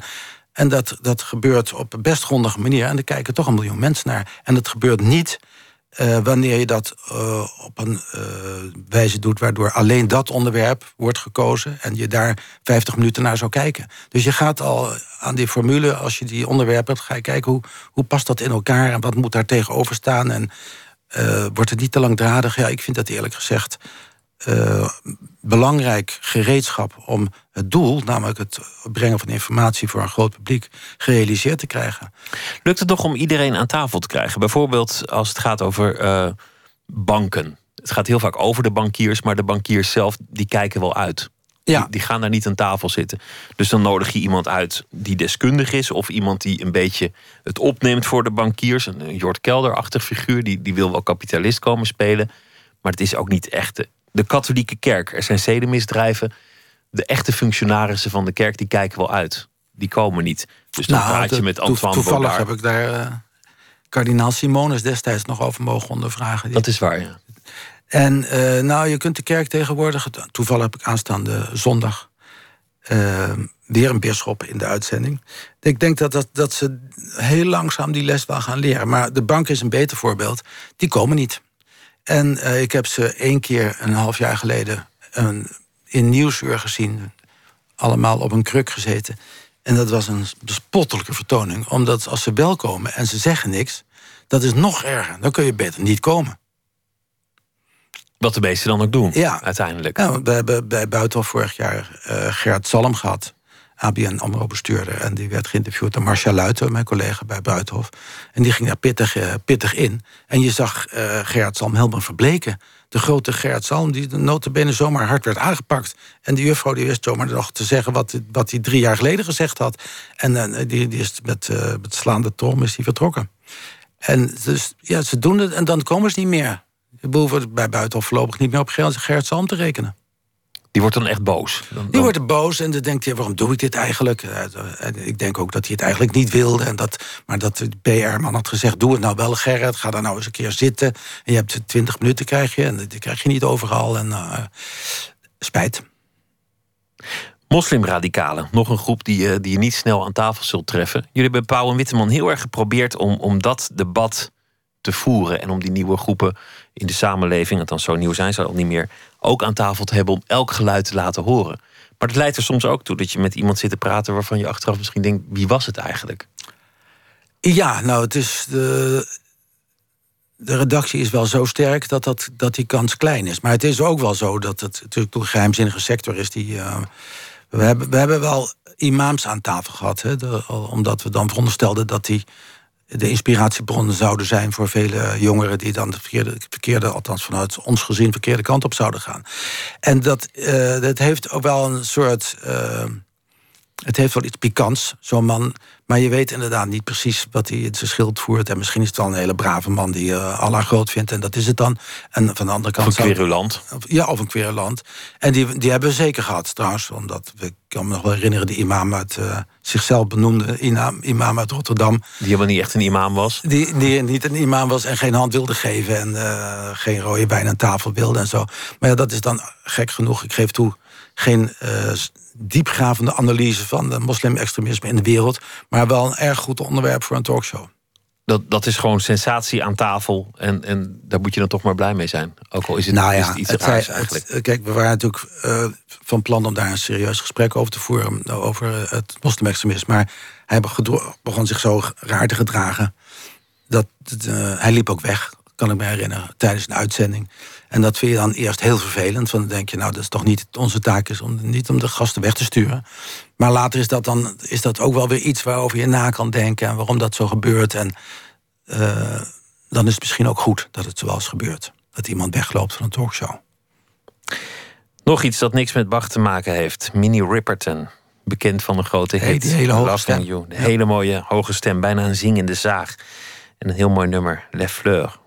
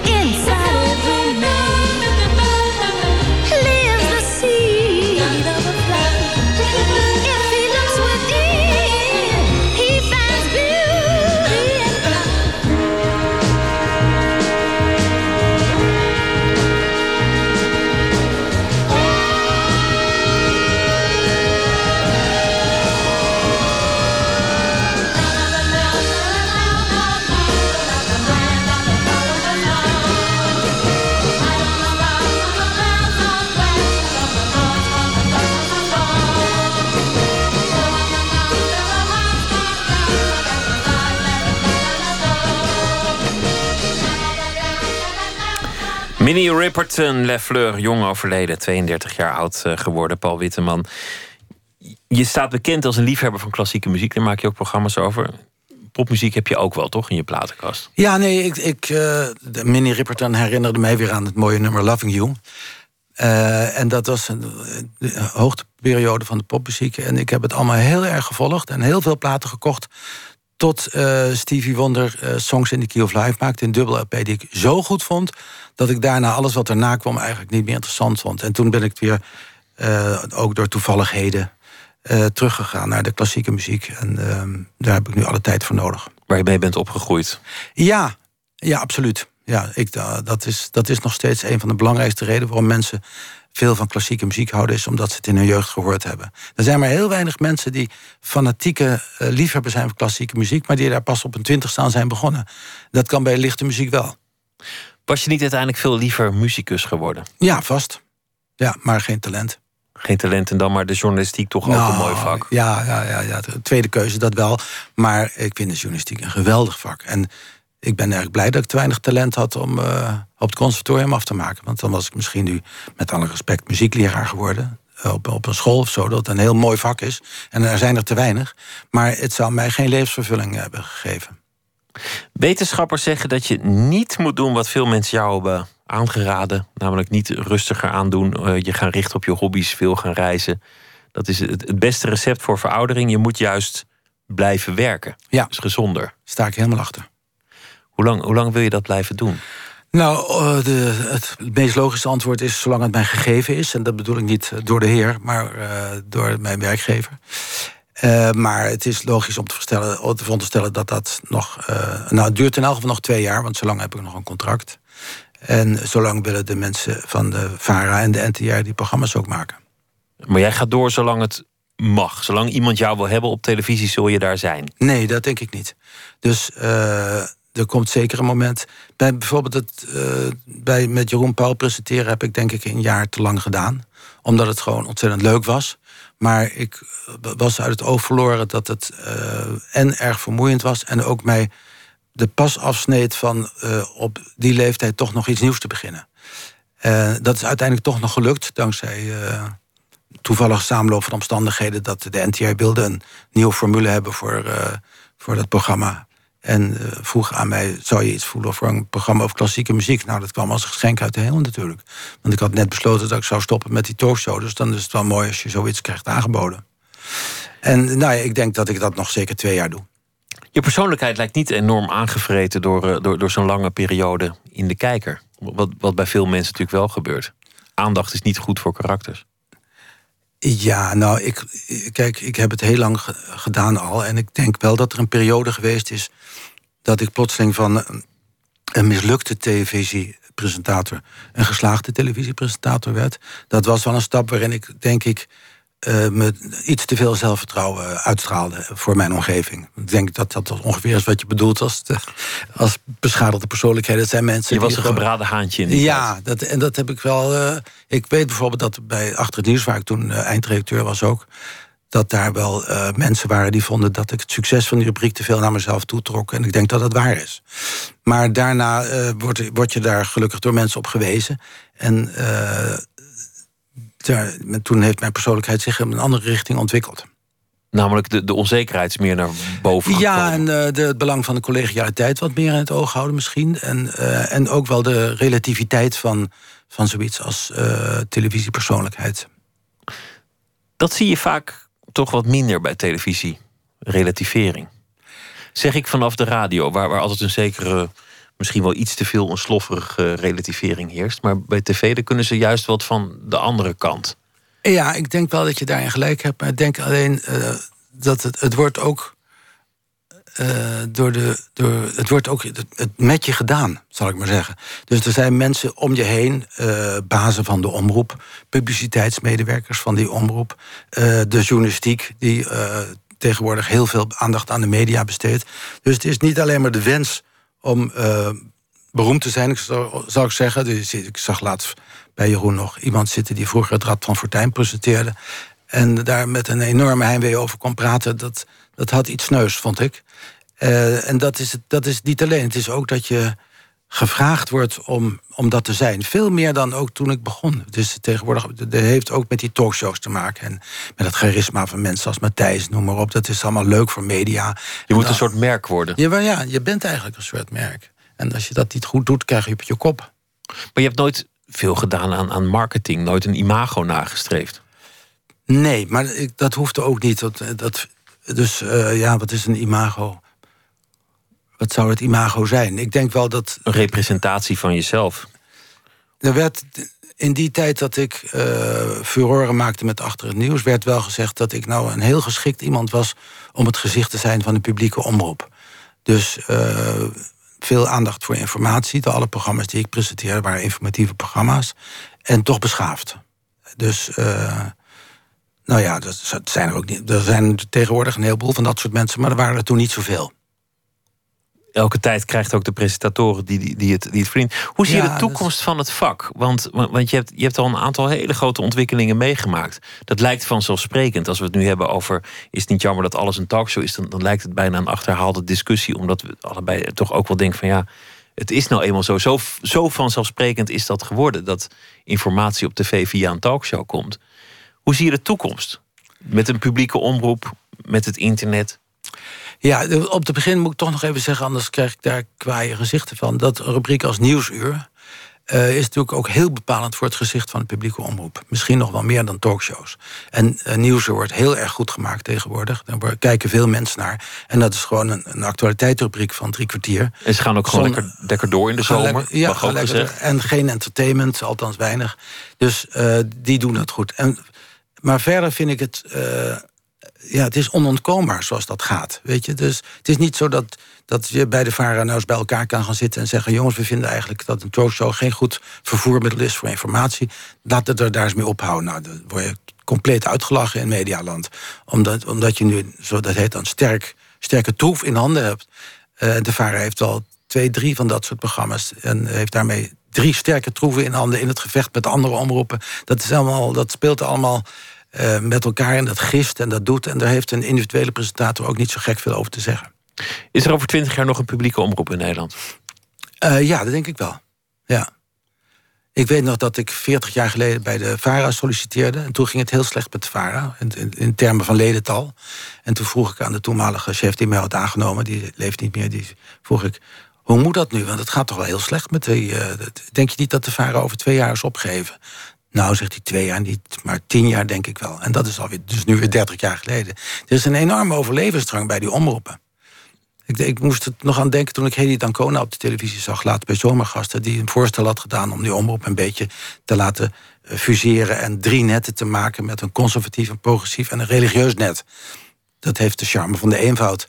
Maar de, de, de, woede die daar ontstond bij die omroepen... die allemaal helemaal niet wilden... en meteen bij de politieke partijen die aan hun verwant waren... probeerden om er maar voor te zorgen dat dat er godsnaam niet zou gebeuren... is ook niet gebeurd. En nu begint het er langzaam een beetje aan op te lijken met die fusies. Uh, de omroepen zullen het niet redden, maar de publieke omroep wel. En de televisie, want mensen kijken veel meer online... Ja. NPO gaat zich ook meer richten op online. Uh, de commerciële die, die richten zich langzamerhand ook, ook steeds meer op online. Nu is de tv nog zeer dominant. Hoe gaat dat veranderen? Hou je daarmee bezig? Of denk je, nou ja, het zal mijn tijd wel duren? Dat laatste dan een beetje, als ik eerlijk moet zijn. Uh, en ik denk ook dat het correct is, dat dat, dat juist is, dat dat mijn tijd pas zal duren. En dat bedoel ik ook positief. Dus ik denk niet dat, uh, dat ik mee zal maken dat de publieke omroep verdwijnt. En dat ik best nog van plan ben 30 jaar te leven, denk ik dat, uh, dat ik daarmee een optimistische visie heb over de publieke omroep. Maar ik vind ook dat, ze, dat die weg met ons mentaliteit heb ik niet. Ik vind dat de publieke omroep, ondanks allerlei knullige foutjes, het heel goed doet. En dat ze mooie programma's maken voor weinig geld. En uh, ik lees wel eens artikelen over hoe dat in het buitenland gaat. En de veel geprezen BBC in het bijzonder. En daar geven ze veel meer geld uit voor veel minder goede programma's. Maar dat, dat schijn je niet te kunnen zeggen, want iedereen denkt dat de BBC het allerhoogst is, omdat ze schitterende dramaseries maken. Maar dat is het dan ook. Het komende seizoen, eerste verkiezingen in uh, Amerika, daarna de verkiezing in Nederland. Jeroen Pauw die zei: het wordt het seizoen van de boze blanke man. Ja. Toen dacht ik, ja, misschien wordt het wel de eeuw van de boze blanke man. Misschien ligt ook wel het millennium van de boze blanke man achter ons. Dat, dat weet ik niet. Nou, de, het is geen, geen onjuiste analyse om te denken dat de boze blanke man voor uh, een bepaalde uitslag zal zorgen. Dat denk ik wel. En dat is wel, dat is wel iets nieuws. Uh, dat is dus dat in, in Amerika een anti-moslimhouding is ontstaan bij een groot publiek. Dat had, hadden we toch niet verwacht dat het zo snel zou gebeuren. Dat is in Nederland natuurlijk ook het geval. En dat zal die uh, dat verkiezingen bepalen, zeker als er nog meer aanslagen komen. En dat is wel te verwachten. En dan wordt die link gelegd tussen eh, moslims en, eh, en extremisme. En dan heb je de pop aan het dansen. Ja, dat zal gebeuren. Maar ik verheug me wel eerlijk gezegd heel erg op die verkiezingen. Dus daarom vind ik het ook leuk om bij zo'n programma als Buitenhof te werken. Omdat we dan op een serieuze wijze die met, met die politie kunnen praten. En uh, ik vind het heel spannend ook wat er staat te gebeuren. Omdat je eigenlijk uh, nu al een half jaar van tevoren, ongeacht de uitslag, al kunt uh, bepalen wat voor soort kabinet er komt. Het wordt spannend, kortom. Ja, het wordt heel ontzettend spannend om, om, om te kijken of het niet zo is dat je nu al kan zeggen. Dus je kan nu al zeggen: PVV gaat niet meedoen, hoe groot de partij ook wordt. Maar dan krijg je een soort regeren. een coalitie van de rest, eigenlijk. Ja, zo is het. Paul Witteman, dankjewel. Goeienacht. En leuk dat je te gast wilde zijn. Zometeen gaan we verder met Nooit meer slapen. Twitter, het VPRO, NMS. We zitten op Facebook en u kunt zich abonneren op de podcast... via de website van de VPRO of iTunes.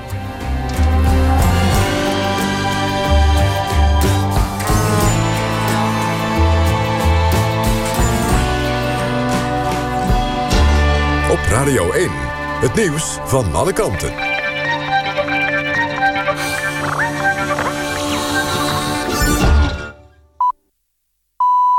1 uur, Christian Bonenbakker met het NOS Journaal.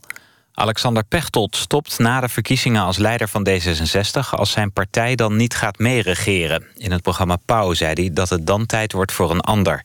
Pechtold leidt D66 al tien jaar... en wil bij de verkiezingen in maart opnieuw lijsttrekker zijn.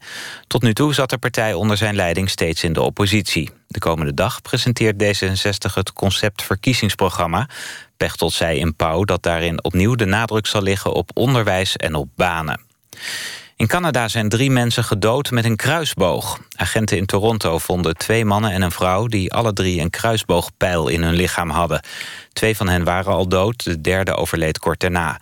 In de buurt van de slachtoffers lag een kruisboog. Een Canadese nieuwssite meldt dat een 35-jarige man is aangehouden. Volgens de politie is nog onduidelijk wat er precies is gebeurd. In de Somalische hoofdstad Mogadishu is een aanslag gepleegd op een strandtent. Volgens getuigen zijn daarbij zeker zes mensen gedood. Eerst ontplofte een autobom, waarna de aanvallers het vuur openden. De verantwoordelijkheid voor de aanslag is opgeëist door terreurgroep Al-Shabaab. De Amerikaanse zwemmer Ryan Lochte moet vermoedelijk terug naar Brazilië om te worden verhoord. Volgens Amerikaanse media is de Braziliaanse politie bijna klaar met het onderzoek naar de vernielingen die hij met drie ploeggenoten heeft aangericht, maar moet hij nog wat vragen beantwoorden. Daarna volgt waarschijnlijk een rechtszaak. Als Lochte niet naar Brazilië komt, wordt de zaak zonder hem behandeld. De Amerikaanse zwemmers vernielden na een avond stappen een toiletdeur bij een tankstation en probeerden dat te verhullen door te zeggen dat ze waren beroofd. Het weer, het is een warme nacht, minima rond 19 graden. Daarna opnieuw een zonnige dag met misschien wat sluierwolken. In de kustprovincies wordt het met 26 graden iets minder warm dan de afgelopen dag. In het binnenland kan het weer tropisch warm worden met lokaal 32 graden. Dit was het NOS Journaal. NPO Radio 1. VPRO. Nooit meer slapen.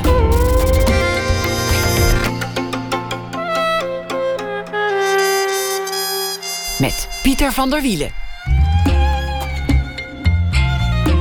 De Amerikaanse comedienne Amy Schumer wordt geprezen en ook gehaat op haar harde grappen over seks. Afgelopen week verscheen haar autobiografie The Girl with the Lower Back Tattoo. En komende zondag treedt ze op in Nederland. Met schrijfster en zangeres Stella Bergsma gaan we het hebben over het fenomeen Schumer. En uh, verder uh, komt Joris Laarman op bezoek. Hij heeft eerder vanavond een belangrijke prijs gewonnen. En we gaan het hebben over het ontwerpen van 3D-stoelen onder meer. Ninja Weijers is schrijver. Debuteerde in 2014 met haar debuutroman De Consequenties. Een zeer succesvol debuut was dat. En deze week zal ze elke nacht een verhaal maken bij de voorbije dag. Ninja, goeienacht. Goeienacht. Hallo. Gisteren hadden we het over het, uh, het filmpje in, uh, aan de Côte d'Azur... waar agenten toekeken hoe een uh, moslima zich wat minder preuts moest kleden op basis van de nieuwe wet. Vandaag was het, uh, het nieuws in de krant dat het misschien wel in scène zou zijn gezet, dat, dat filmpje. Heb je dat oh, meegekregen? Oh, dat, dat, heb ik dan weer even niet meegekregen. Een, een provocatie ah. om dat filmpje te maken, dat verandert weinig aan de wet en aan, aan de werkelijkheid. Ah. Maar ik vond, ik vond het wel interessant dat iemand denkt van ik ga een filmpje maken om, uh, om ophef te veroorzaken en zo mijn punt te maken. Ja, fair enough. Als, als, dat, als het waar is. Wat heeft je vandaag bezig gehouden? Nou, ik las, ik las in de krant over ehm, een plan van de Duitse regering uh, om, om uh, de bevolking uh, op te roepen te hamsteren voor het geval dat er een ramp uitbreekt. Ja, dat, en dat, dat, dat veroorzaakte nogal wat gesputter in Duitsland. Omdat men dat daar dat natuurlijk wel meteen als bangmakerij werd bestempeld. Maar mij sprak het wel meteen tot verbeelding. er waren ook al meteen mensen gespot met overvolle winkelwagens en zo. Dus alle clichés. Ja, mooi. En ik vind het ook zo mooi als je dan gaat hamsteren. Wat hamster je dan? Ik bedoel, ik vind het wel moeilijk om te beslissen wat ik die avond moet eten. Maar als je dan denkt dat je voor drie maanden moet inslaan, wat haal je dan? Ja, nou, in ieder geval in mijn verhaaltje uh, haalt iemand vooral heel veel ingeblikt voedsel. Um, Verstandig. Ik zal het voorlezen. Ga je gang. Ze vragen me altijd wanneer het begon met mijn vrouw alsof het aanwijzen van een precies moment de gebeurtenissen onkeerbaar zou kunnen maken. Ze zou kunnen uitwissen. Een video die wordt teruggespoeld, wordt overgespoeld door een andere video. Ik zeg soms, het begon bij een blikje bonen en toen nog een blikje en toen zoveel blikjes dat de halve voorraadkast vol stond met bonen. Andere keren zeg ik, het begon toen ze in de krant las over het plan voor civiele verdediging dat de regering had opgesteld voor haar burgers. Dat ze als een idioot alles had opgezocht wat ze over dat plan had kunnen vinden... en dagenlang bezig was geweest de kelder schoon te maken... boodschappenlijstjes op te stellen, op internet de meest vergezochte producten onderwierp aan een vergelijkend warenonderzoek. Als ik gedronken heb, zeg ik de waarheid. Dat ik geen flauw idee heb wanneer het precies begon... en dat ze geen bonen insloeg, maar ingeblikte perziken. Ontzagwekkend veel ingeblikte perziken. Zoveel dat we een jaar, dat we een jaar lang van ingeblikte persingen alle, perziken alleen hadden kunnen leven... en niet zouden sterven aan de apocalyps... maar aan een overschot aan suiker of scheurbuik. Ze vragen of het mijn huwelijk kapot maakt. Ze hebben haar op de televisie zien praten. Ze hebben onze kelder gezien, de zandzakken voor de ingang... het gecodeerde slot op de deur. Ik zeg dat ik haar laat. Zoals de een postzegels verzamelt en de ander parachute springt... zo stort mijn vrouw zich op het voorbereiden van, de, van een apocalyps. Er is een hele community van dat soort mensen. Ze praten met elkaar, ze chatten en skypen. Het is een community van overlevers, zegt mijn vrouw. Een, commu een community van survivors. Laat ze maar denken dat ik gek ben, zegt ze. Over een tijdje piepen ze wel anders. Of piepen ze helemaal niet meer omdat ze dood zijn. Soms vrees ik dat ik geen survivor ben, zoals mijn vrouw dat ik liever dood ben als de wereld is verwoest door stormen, tsunamis, kernwapens, kernwapens cyberaanvallen, aliens, terroristen, God of een combinatie van alles. Soms hoop ik dat ik voortijdig dood neerval om het hele probleem op te lossen. Soms fluister ik dat ik wil scheiden, zo zacht dat het niet meer lijkt dan een langgerekte ademhaling. Over het uh, hamsteren en uh, nou ja, wat er, wat er over vandaag in het, uh, in het nieuws was. Wat, wat, zou je hamsteren trouwens? Ingeblikt voedsel, zei je. Dat, dat, dat vond ik al een verstandige keuze. Maar wat moet je Ik- verder in godsnaam? Wc-papier, ja. Water misschien. Jij kan beter waterzuiveringstabletten, dat is minder sjouwen. Nou, goed, volgens mij eh, ben, je alvast goed op weg. eh. Ja, ik vind het leuk om over na te de denken. De apocalyps komt eraan. Er staat een rij bij de supermarkt, maar je redt het misschien nog wel. Wat zal ik halen? Ja. Leuk thema. Ninja Weijers, dankjewel. Goeienacht en eh, heel graag weer tot morgen. Oké. Ze noemen zich Bob Moses, maar de New Yorkse architect Robert Moses, eh, daar zijn ze naar genoemd. Ze zijn een duo. Afgelopen week verscheen een nieuw album, Days Gone By. En dit nummer vonden we op dat album, Riding on the Wall.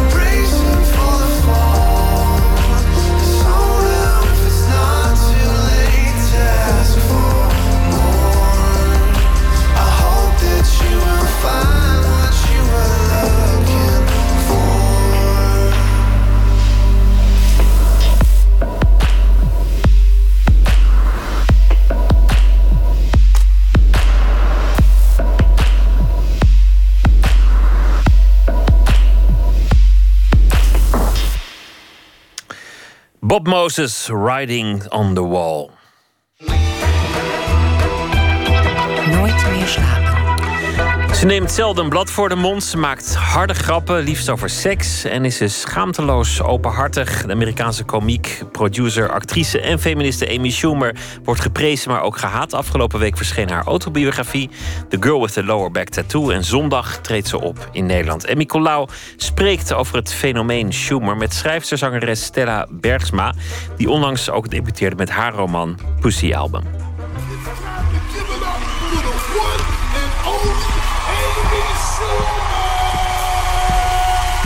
Het eerste filmpje wat ik zag van Amy Schumer was dat filmpje van eh, vrouwen die elkaar op straat tegenkomen en elkaar complimenten gaan geven. Oh my god, Brie, you dyed your hair. Dan gaat degene die het compliment krijgt zichzelf vreselijk afzeiken. Oh no, you're just being nice. No, seriously, it looks great. No, I tried to look like Kate Hudson, but ended up looking like a golden retriever's dingleberry. Dat is gewoon een heel standaard iets wat vrouwen doen. En dan is er één vrouw die dat niet doet. I love your jacket. Thank you. En dan schiet het zichzelf, zichzelf allemaal overhoop. Amy Schumer kwam, zag en overwon. De Amerikaanse comedienne treedt op voor uitverkochte arena's. Heeft een succesvol tv-programma op Comedy Central. Mocht haar eigen speelfilm maken. En prijkt, ook al heeft ze misschien één maatje meer, glamorous op de cover van Vogue. Ze werd gewoon onvermijdelijk. En dat is waarom ze natuurlijk goed en belangrijk is. Omdat ze onvermijdelijk werd. Ze is grappig, volstrekt schaamteloos en praat graag eindeloos over seks. Are you that girl from the television who talks about her pussy all the time? Ja, dat is Amy Schumer ten voeten uit. Ze heeft een innie, geen outie, weet ik nu ik haar onlangs uitgekomen autobiografische boek las. En dan heeft ze het, ja, inderdaad, over haar vagina. Ze praat over lichaamsappen alsof ze het over frisdrank heeft. En misschien zou dat ook wel normaal moeten zijn, maar dat is het nu eenmaal niet. Once take off a pair of underwear and have it not look like I blew my nose in it. Now, Hier in het immense Apollo Theater heeft ze het al na krap één minuut over haar vieze ondergoed. so you find a pair of underwear on the floor and you're like, how do I know if I wore it? Please, you know, you know. Vies, ranzig en gênant. Maar haar grappen zijn niet gratuit. Amy Schumer wil ook een rolmodel zijn. Ze praat regelmatig over seksueel misbruik, waar ze zelf ook mee te maken heeft gehad. Maar bovenal stelt ze vastgeroeste ideeën over gender en seksualiteit aan de kaak. Dat, dat doet ze vrij vaak, die, die genderrollen omdraaien. En dat je dan merkt dat als dat gebeurt, dat het inderdaad grappig is. Dat zegt heel veel over ons. We're here with comedian Amy Schumer and male comedian Bill Hader. Ze had ook een sketch met een interview. En dan stellen ze de man allerlei vragen die ze anders aan een vrouw zouden stellen. Dus haar tegenspeler in Trainwreck. Wreck. En dat wordt, dat wordt hilarisch. Uh, first things first, Bill. Uh, what are you wearing? Could you tell us about your outfit? Um, this is a theory shirt and a. Um, Als je speelt met die gender-typering en dat, dat er dan absurdisme ontstaat, dat is eigenlijk heel interessant.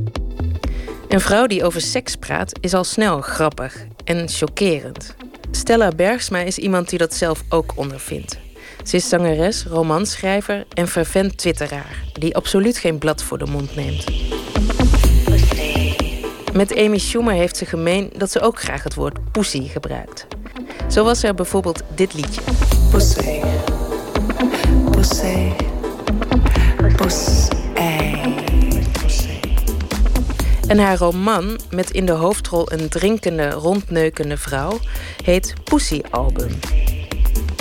Bergsma vertelt wat Schumer in haar ogen bijzonder maakt.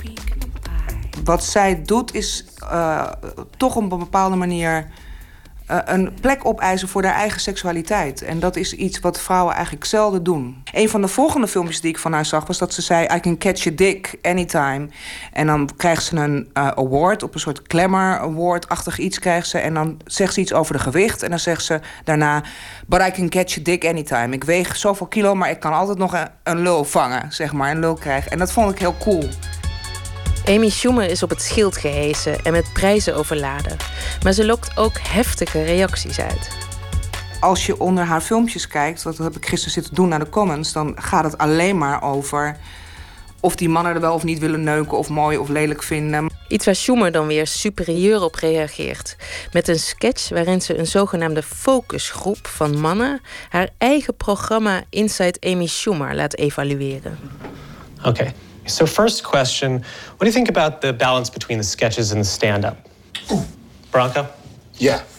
I thought her tits were great, like really good tits. But her face was just okay. Stonden ook onder die filmpjes ehm, eh, van die comments van... als je alle seks weg zou halen, dan zou er niks overblijven. Want dus dat ze het alleen maar gebruikt om te scoren, zeg maar. Dus een vrouw kan eigenlijk niet het over seks hebben... zonder dat het een, eh, als functie heeft om te scoren of om... eh, dat mannen het leuk vinden of zo. Ze hebben he- eigenlijk geen recht op een soort eigen seksualiteit. Dat is iets wat ik ook herken.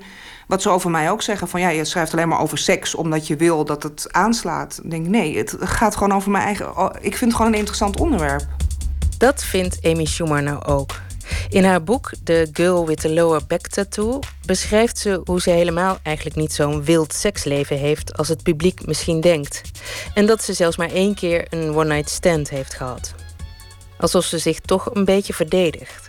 Maar goed, in dit interview te vinden op YouTube legt ze uit waarom ze zoveel over seks praat. I've mostly been in long relationships, and then in between them, I've slept with a person or two. And I like to tell stories about it on stage because something ridiculous or awful always happens. And those, that's true, but just saying those things, like broaching those subjects, people are just like, oh, she's the sex girl. She's like a whore. I bet she's down to fuck. And, uh, and it's like, no, I just like want to talk about it. Als je naar mannelijke stand-up comedians kijkt, die hebben het voortdurend over seks. Waarom zegt niemand daarbij van ja, dat doet hij alleen om te scoren? Dat is toch een wonderlijk verschil. Op een of andere manier wordt het ook als vulgairder ervaren dan Louis C.K. die de hele tijd het heeft over rukken en over masturberen. Het boek van Bergsma, Pussy Album, gaat over een vrouw die in de woorden van Bergsma zelf overal scheid aan heeft. Haar hoofdpersoon knoopt een relatie aan met een minderjarige leerling, drinkt de hele dag en pijpt mannen op de wc als ze daar toevallig zin in heeft. Een grappig, maar uiteindelijk ook tragisch boek. En een boek dat alleen al door de titel en de kaft per definitie reacties uitroept. Ik moet zeggen, de reacties waren ehm, voornamelijk in eerste instantie negatief, omdat ook ik dat verwijt krijg van dat doe je alleen maar om te scoren. Dat doe je alleen maar om te provoceren. Eh, en, maar dat waren... En dat is niet zo. Nee, dat is niet zo. Dat... nee. Niet alleen. Nee hoor, nee, nee echt niet. Het was, echt een, het was voor mij echt een gemis. Ik miste die vrouw in de literatuur. Ik miste dat boek, wat ik zelf graag lees. Ik lees die mannen graag die dat soort dingen doen. Ik lees die kant van het leven graag. Zeker als hij ook nog uh, gelardeerd is met, met wel diepe gedachten en met, met emoties. Dus dat het niet alleen maar die zelfkant is, maar dat er gewoon van alles in zit. Dan lees ik dat graag. En ik, hou, ik vind dingen snel braaf of tuttig. Dus dat, ik miste die vrouw gewoon. Maar dus de reacties waren heel snel dat. Uh, maar er waren wel allemaal reacties van mensen die het boek niet gelezen hadden. En de uh, uh, publieke opinie verandert nu wel een beetje. Uh, het wordt nu wat serieuzer genomen. Mensen gaan het ook echt lezen en komen erachter dat het boek wel iets meer behelst dan dit. Was het moeilijk om, om, zo'n, om dat te schrijven? Nee. nou ja, ik vond, ik, vond het, ik vond een boek schrijven wel heel moeilijk. Afschuwelijk. Maar om dat te schrijven vond ik niet moeilijk, nee. Bedoel, dat. dat uh, ja, ik, ik weet ook niet wat je bedoelt met de vraag. Om me in te leven in die vrouw? Of wat. wat... Nou, ik zat ook met in het achterhoofd ook Amy Schumer. Is het. Uh, moet je er lef voor hebben? moet je, Oh, heb je schroom moeten overwinnen van dat je dat, je dat schrijft? Oké, maar eh, het wordt ook uitgegeven en Schumer ook. In die zin is het wel moeilijk om het te schrijven. Niet om het te schrijven, maar wel als het wordt uitgebracht en mensen er dingen van gaan vinden. Dat lijkt me voor Amy ook. Ik denk ook als vrouw meer schroom dan een man. Want een man wordt toch een soort van stoer gevonden met hetzelfde gedrag. Dus je krijgt heel snel, je krijgt snel een imago. En dan was ik, dat vond ik in eerste instantie toen mijn boek uitkwam, heel, ja, heel, heel vervelend zelfs heel naar. Ook omdat ik dacht van, oh god, nu gaat niemand het ooit lezen... en iedereen vindt meteen al dat ik een soort raar wijf ben... wat alleen maar wil provoceren. Dus in die zin is dat wel moeilijk.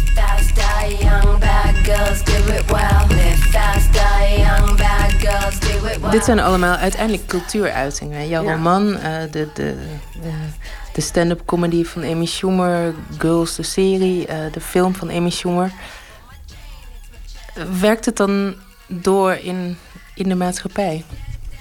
Ik denk het wel. Of je kan ook zeggen dat doordat de maatschappij uh, is waar die nu is, dat daardoor die cultuuruitingen zijn. Of het is een kruisbestuiving. Ik denk wel dat dat, uh, ja, dat, dat, dat, dat het geval is. Maar zouden vrouwen zich door het kijken naar dit soort uh, series of, ja, of boeken lezen, zich ook vrijer in het gewone leven gedragen? Ik hoop het dat ze ook eens een keertje wijdbeens in de tram gaan zitten. Dat ze gaan manspreaden, maar dan femspreaden of zo. Dat ze, uh, ik hoop dat vrouwen die mijn boek lezen... Uh, wat, wat uh, zich niet... Kijk, het hoeft niet te zijn dat ze dan vrijer zijn om allemaal hele ranzige dingen te doen... maar dat ze zichzelf wat meer vergeven. Zoals het mannen veel meer vergeven wordt om gewoon een mens te zijn.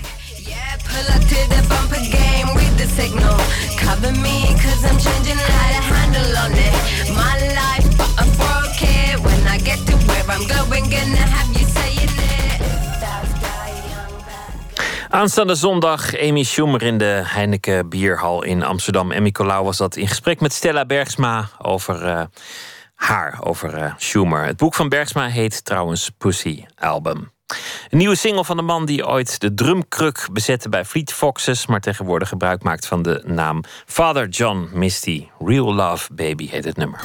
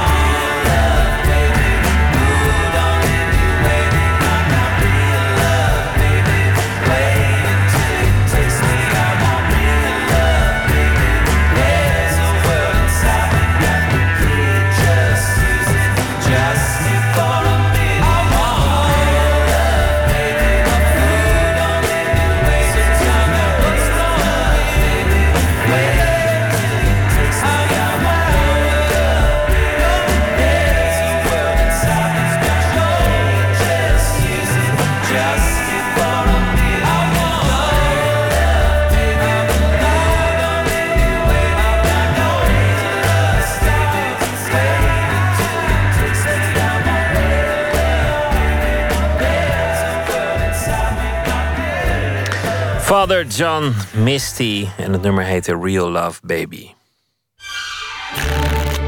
Open kaart. Het werkt als volgt: een bak met 150 kaarten. En op elke kaart staat een vraag. En de vragen worden getrokken. En zo krijg je een, eh, een interview op basis van eh, geluk. Of ongeluk. Kan natuurlijk ook. Joris Laarman zit tegenover me. Hij is eh, beeldend kunstenaar. Vanavond kreeg hij een prijs. Want hij is een van de winnaars van de Amsterdam Kunstprijs. Die hij eh, vanavond dus eh, heeft gewonnen. De Amsterdamprijs voor de kunst, moet ik zeggen. Gefeliciteerd. Dankjewel. Je hebt het eh, gekregen voor je ontwerpen. Je bent ontwerper onder meer van de Bone Chair en andere stoelen, stoelen gemaakt met 3D-printers. Je hebt daarmee eh, geëxposeerd in Parijs, Centre Pompidou in New York, MoMA, het Rijksmuseum in Amsterdam. Vorig jaar een grote solo-tentoonstelling in het Groninger Museum. Het gaat over ontwerpen die zich begeven op het raakvlak tussen kunst en ontwerpen. En je wordt door eh, enthousiaste mensen de Gerrit Rietveld van de 21ste eeuw genoemd. Dat is ook een mooie, mooie eer. Ja. Proficiat met de prijs. Laten we meteen beginnen met de kaart. Ik wil je vragen om, eh, om erin te trekken. Oh ja, even kijken hoor. Ik, ik pak gewoon de bovenste eraf. Ja. Mag dat? Zeker. Jeetje, oké. Wat is je vroegste jeugdherinnering? Nou, is meteen, eh, meteen het diep in. Vertel. Jeetje, dat is wel echt een hele... Wacht even hoor, maar daar moet ik even over nadenken. Mijn vroegste jeugdherinnering. Dat zal rond je derde, vierde zijn geweest, denk ik. Ja, ik heb wel heel veel oude herinneringen hoor. Echt hele oude herinneringen. Ja, maar het is wel een hele vage, vage herinnering, denk ik. Ik kan me gewoon het huis herinneren waar we in woonden. En dat ik boven op een tafel kroop. Want volgens mij kroop ik, kroop ik toen nog. Is dat gek? En ik kan me herinneren dat ik bij... eh, een hele oude herinnering, wat best wel raar is trouwens... die eh, ik heb, is van eh, een oppashuis waar ik eh, ooit eh, was. Bij een oppas. En ik kan me herinneren dat ik toen iets over de Elephant Man heb gezien. En dat ik dat heel erg eh, spannend vond of zo. eh, Op een eh, soort gekke manier. En dat, dat zit nog steeds in mijn hoofd. Ik weet niet of je hem kent, de Elephant Man. Ja, ja, natuurlijk. Maar als kind is dat ontzettend eng. Dus ik, kan me, dat, dat, ik was toen echt heel jong ook. En even kijken hoor. Goh. Ja, het is een vroegste herinnering. Hè? En dat huis, wa- waar stond dat? Ja, ik ben geboren in Borculo. Ehm, of all places, zeg maar. Want eh, het is een heel klein dorp ergens in de Achterhoek. Ehm, en daar hadden we een... eh, wat voor- voor mij echt een eh, gigantisch huis leek. Met een enorme tuin. Ehm, wat nu, als ik daar terugkom, is gewoon een, een hoekhuis. In een rijtje in- van een nieuwbouwwijk. Valt ergens in, eigenlijk, eh, valt eigenlijk wel mee. Ja. Als kind was het echt een, ja, een paradijs. Ja. Laten we nog een kaart trekken. Ja, ik pak er nu eventjes eentje zo op. Wat is het grootste offer dat je voor je werk bracht? Zo, wat een goede vraag ook weer. Het grootste offer wat ik voor mijn werk bracht.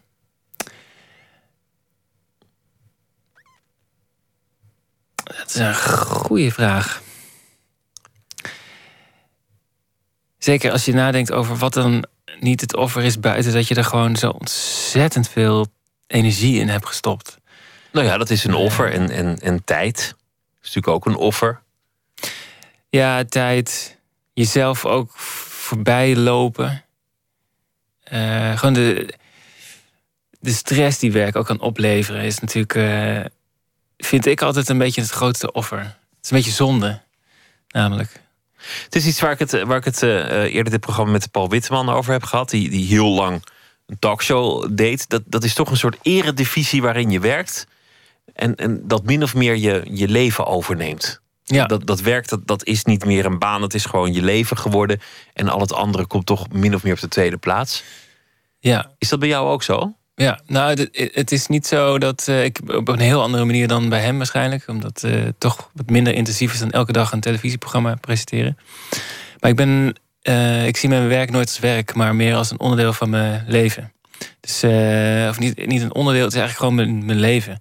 Ik, ehm, en dat moet je niet zien op een negatieve manier. Ik, ik vind eh, mensen met hobby's altijd heel erg op een of andere manier.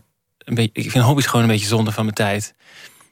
Dus alles wat ik doe, wil ik met volledige toewijding doen.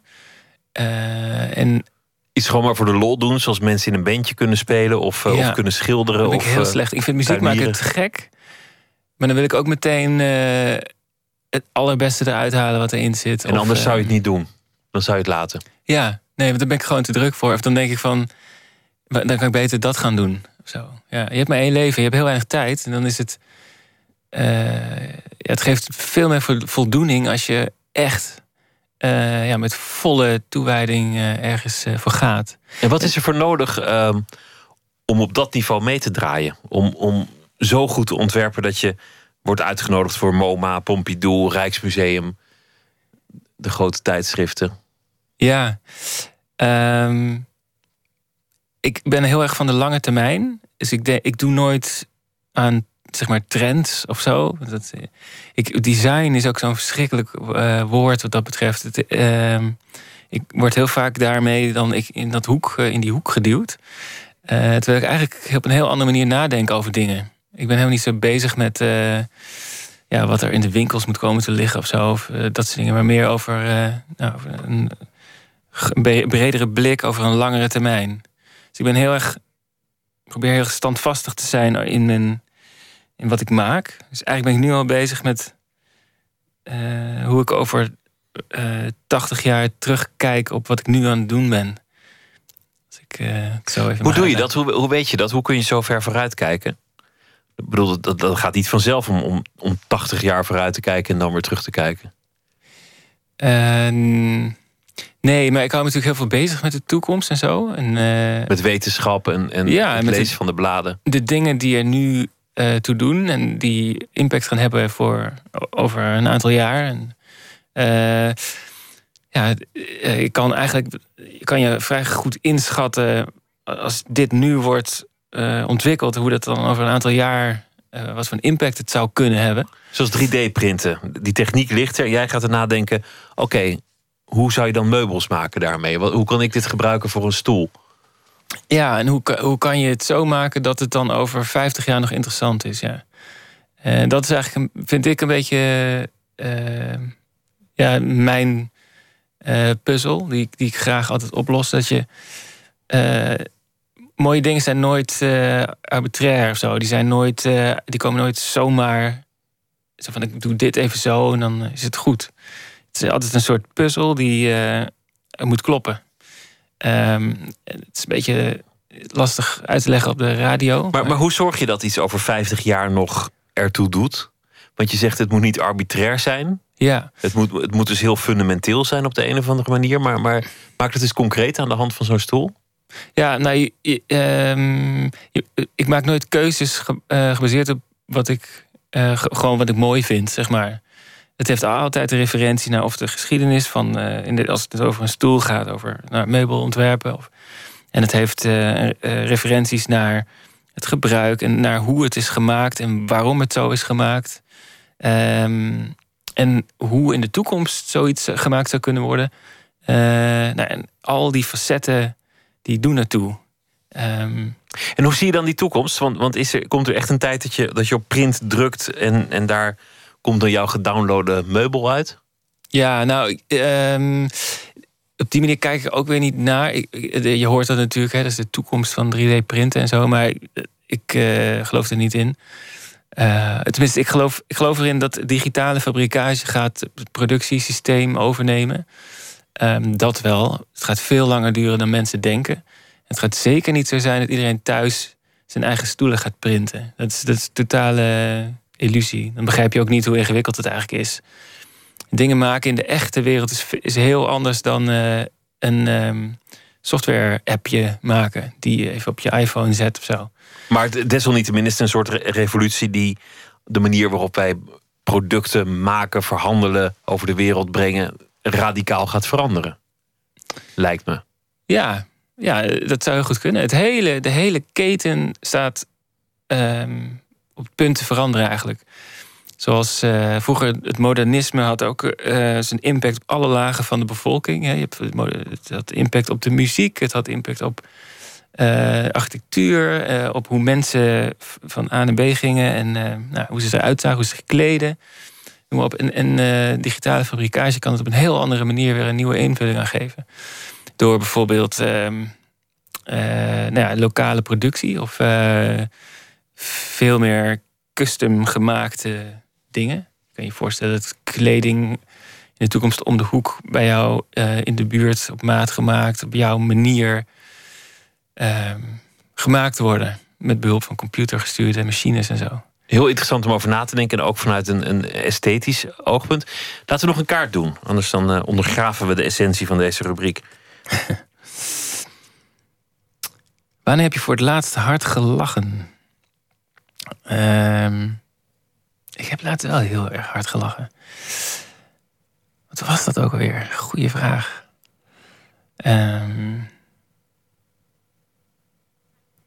Jeetje, wat was het nou toch? Het is heel erg dat je dat er niet meer weet, hè? Ja, maar zo meteen kom je erop. We laten deze even liggen. Ja. Neem er nog een. Ik heb vanavond nog heel hard gelachen. Goed. Waar Kun ging, je- waar ging dat over toen je vanavond hard lachte? Was- God, het is heel erg dat ik nou niet meer weet. Eh, ik heb net een hele, open, of een hele borrel en eh, opening achter de rug gehad. Hè, dus het is voor mij vrij eh, pittig. eh, eh, Goed. pittig een interview om weer terug te halen.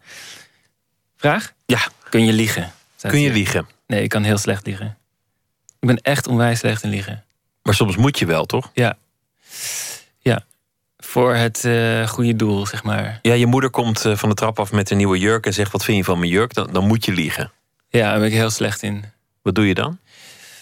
Eh, nou, dan lieg ik op zo'n manier dat ze meteen weet dat, het, dat ik niet de waarheid spreek. Dus dan spreek ik de boekdelen waarschijnlijk. Je valt door de mand. Ik val meteen door de mand. Ja, nee, absoluut.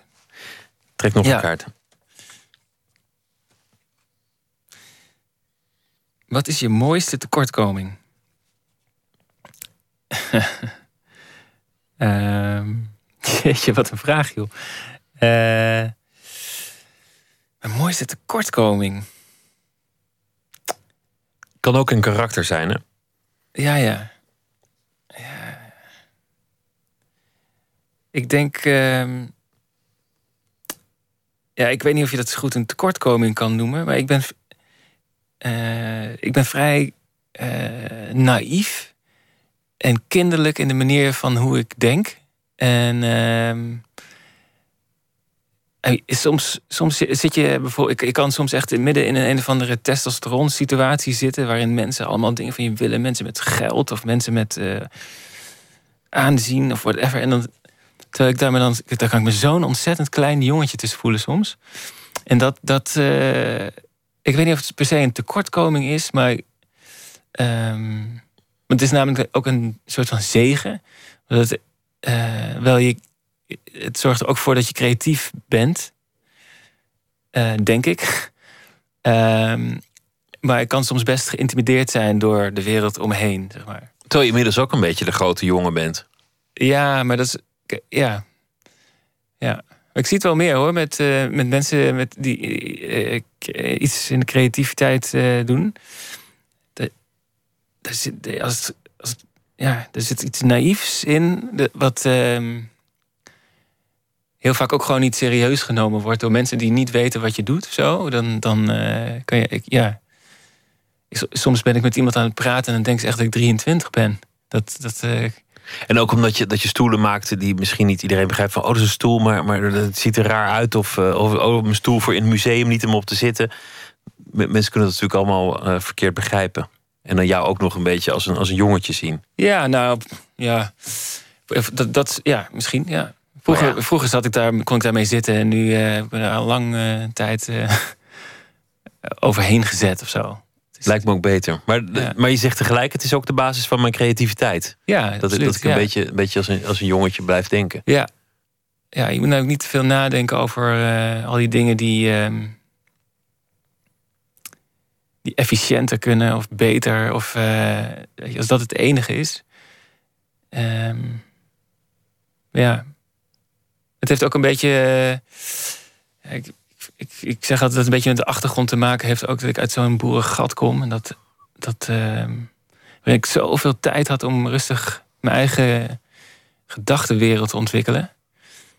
En eh, dat is heel anders van in de stad wonen nu. Waarin er zoveel voor je ja, op je afkomt eigenlijk. Je, je consumeert eigenlijk heel veel dingen. eh, Je ervaringen. En dat had ik, eh, vroeger had je dat niet. En het is eigenlijk nooit echt overgegaan. Ehm, ja, het wordt soms ook best wel een beetje schizofreen is in zo'n grote stad. Dat je soms, eh, ja, de- ehm, ja, ik, ik- Nou, dat is, is mooi, is mooi wat je zegt. Gefeliciteerd nogmaals met de Amsterdamprijs voor de kunst. Vanavond eh, uitgereikt. Joris Laarman, dank je wel. Alsjeblieft. Uit Canada komt zangeres Haley Bonar, woont tegenwoordig in de Verenigde Staten. Heeft een nieuw album met als titel Impossible Dream, waarvan we gaan draaien Better Than Me.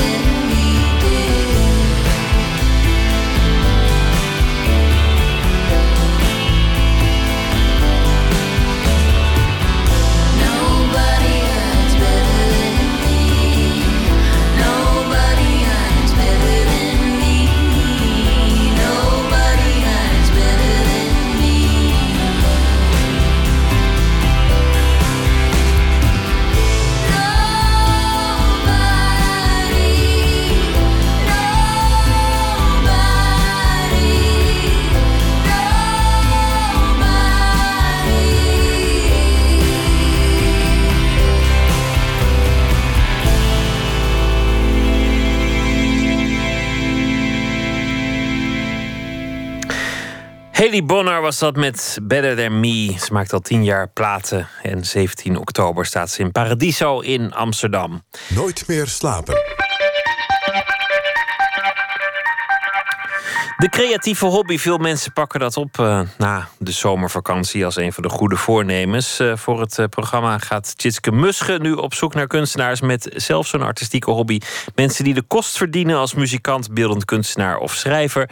En die ter ontspanning een andere discipline vatten. Vannacht is dat fotograaf Popel Comou, die in zijn vrije tijd graag danst.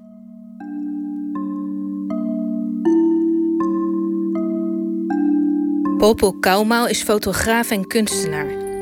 Van haar foto's knipt en plakt ze collages, zodat het een soort schilderijen worden. Ze exposeerde onder meer in Huis Marseille en in het gemeentemuseum in Den Haag. Binnenkort heeft ze een solo-tentoonstelling in New York. Haar hobby? Dansen. Na vier jaar ben ik begonnen met dansen. En nog steeds eh, met veel passie en liefde elke maandag. Ik heb eerst al lang klassiek gedaan en ik wilde zeker ook professioneel. Maar toen ik op een gegeven moment moest kiezen en toen ik wat ouder was, dacht ik: nee, dit is toch niet. Je moet met dansen ook zoveel laten. En eh, ik dacht: ik wil wel genieten van mijn leven. En ik weet ook niet of ik er geschikt voor zou zijn hoor. Ik ben gewoon een, een, eh, een redelijke amateur. Ze danst jazz, lyrical jazz. Dat is een combinatie van klassiek ballet, jazzdance en moderne dans. Ik ging lessen doen bij een dansschool en toen zag ik zijn les na mijn les. En toen dacht ik, denk, wauw, dit is geweldig, dat wil ik ook. Maar ik dacht, het is te moeilijk. Maar toen ben ik het toch gaan doen en ik ben er nooit meer weggegaan. Mijn docent geeft heel erg met gevoel les, dus niet zozeer van tellen. 1, 2, 3, 4, 5, 6, 7, 8. Maar gewoon echt naar de muziek luisteren en dan gaan op gevoel waarvan je denkt dat het goed is. Bij deze man dans ik al 20 jaar nu. Ja, dus eh, het zit helemaal in mijn vezels. Ik vind het geweldig. Als ik me slecht voel, dan eh, kom ik daar helemaal weer, bloei ik helemaal op. Als ik dans, dan komen alle emoties boven. En dan, eh, nou, ik denk alles wat ik in mijn leven heb meegemaakt tot, tot dat, ik de les doe. ja, komen die dingen op dat moment altijd wel eruit. Dus ik heb ook heel veel, heel veel traantjes gelaten in de les, zeg maar. Is er iets van in je werk terug te vinden? Ehm, nou, ik denk in die zin dat het bij mij past. Omdat het. Dus je ziet het niet terug in mijn werk, maar ik werk ook heel intuïtief en gevoelsmatig. En niet per se bedacht. Zeg maar dat je van tevoren bedenkt: ik ga het zo en zo doen. En deze dansvorm gaat ook echt vanuit, je, vanuit binnen en niet zozeer van het tellen en het technische. Tuurlijk is het heel technisch en moet je er wel veel voor weten. Maar uiteindelijk komt het wel van binnenuit. Niet te veel nadenken en doen en gaan. Als je na gaat denken bij dansen, dan ga je de mist in. Zeker bij wat we nu doen. En als je na gaat denken bij het werk maken, dan eh, ga ik ook veel te moeilijke dingen doen. Je kan het beter laten komen door jezelf te verrassen en dingen te doen en te laten overkomen. We zijn als dansgroep zo eh, close geworden dat we gewoon eh, ook vrienden zijn. Elke maandag gaan we altijd eten met elkaar daarna. En eh, we kennen elkaar al jaren. Dus we gaan langer terug en we maken meer met elkaar mee dan alleen eh, dansen. Mijn docent die, heeft net gehoord, te horen gekregen dat hij alvleesklierkanker heeft. Dus nou, die heeft niet zo heel lang meer helaas. Ik was erbij in het ziekenhuis dat hij het hoorde. Dus dat is nu drie, vier weken geleden. Dus we zijn nu met z'n allen elke week naar de les aan het gaan. En soms nog een extra les om er nog een eh, feestje van te maken zolang hij er nog is.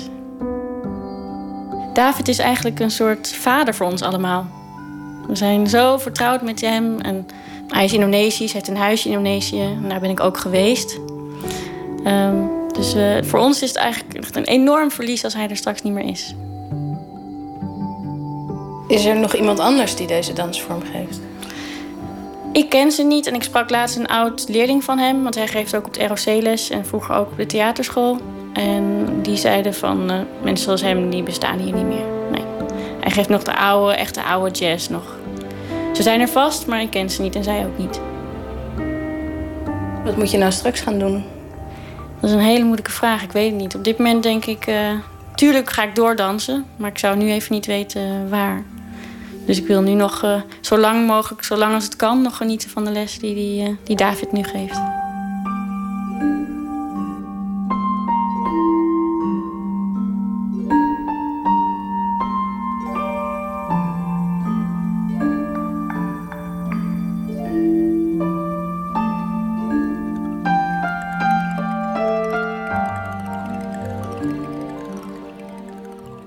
Tjitske Musche was dat in eh, gesprek met fotograaf Popel Kamau... die eh, in de reeks kunstzinnige hobby's een fotograaf is die ook graag danst.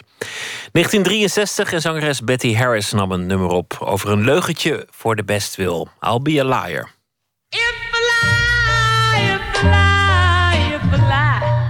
Bring your lips a little closer.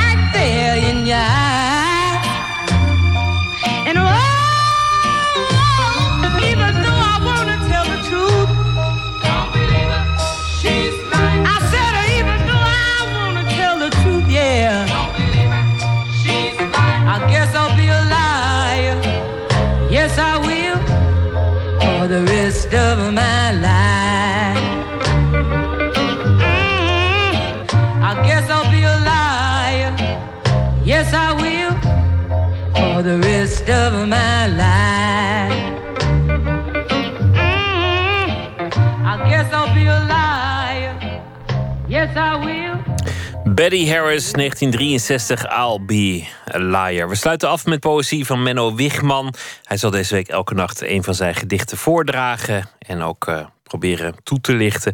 Vannacht het gedicht Tot de bodem.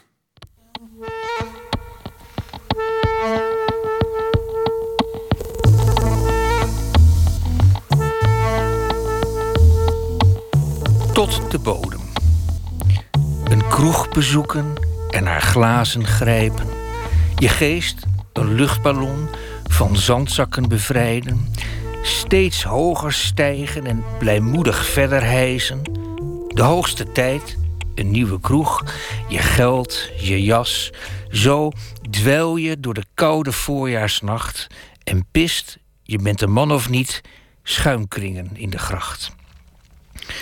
Ik las dat de politie bij elk waterlijk, het gaat om meer dan 50 doden in drie jaar, sinds kort meteen naar open gulpen kijkt. Hoe drank een vloek over de grachten verft, hoe water s'nachts naar mensen grijpt.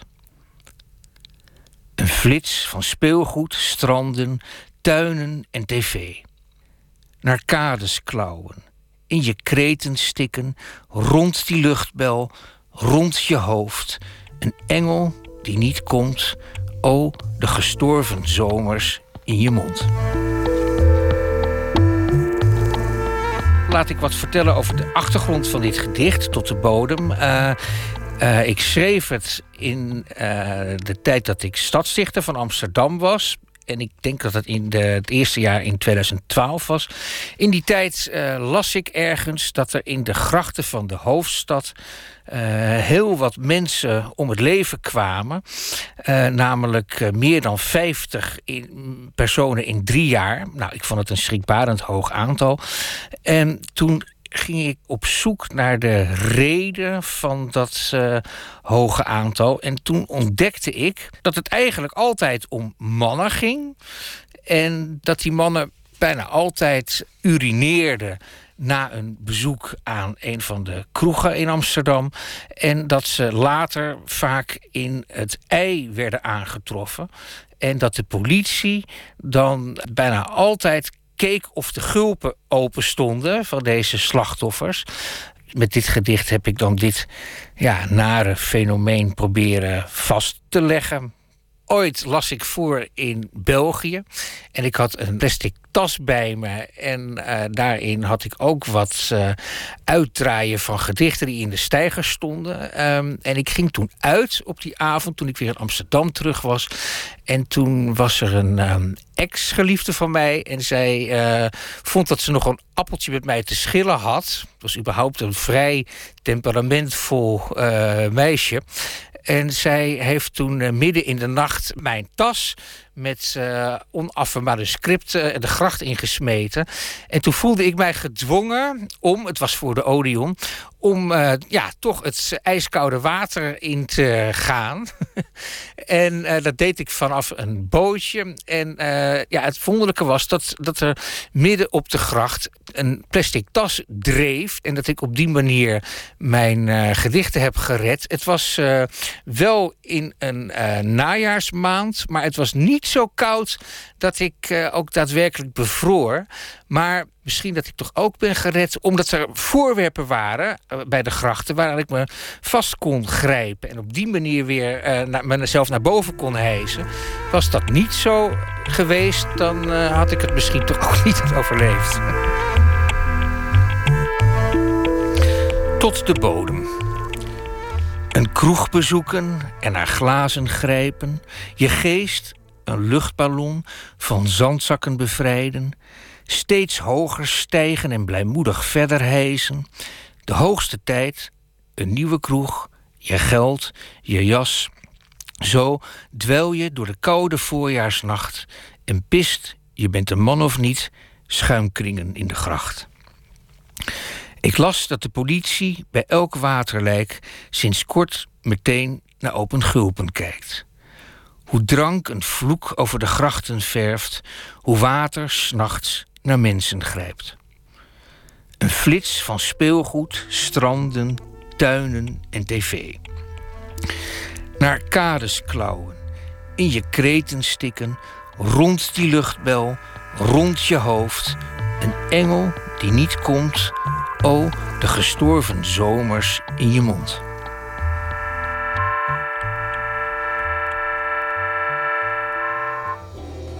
Menno Wigman was dat met Tot de Bodem. En dit uh, gedicht staat in zijn laatste bundel Slordig met geluk. Dit was Nooit meer slapen voor uh, deze nacht. Morgen, dan wordt het helemaal leuk. Dan zit hier Esther Naomi Perquin. En dan komt Diederik Smit langs van De Speld. Het satirisch online nieuwsmagazine. Nou, dat belooft allemaal wat. Ik hoop dat u morgen luistert. En ik wens u nu een hele goede nacht. En morgen een leuke dag.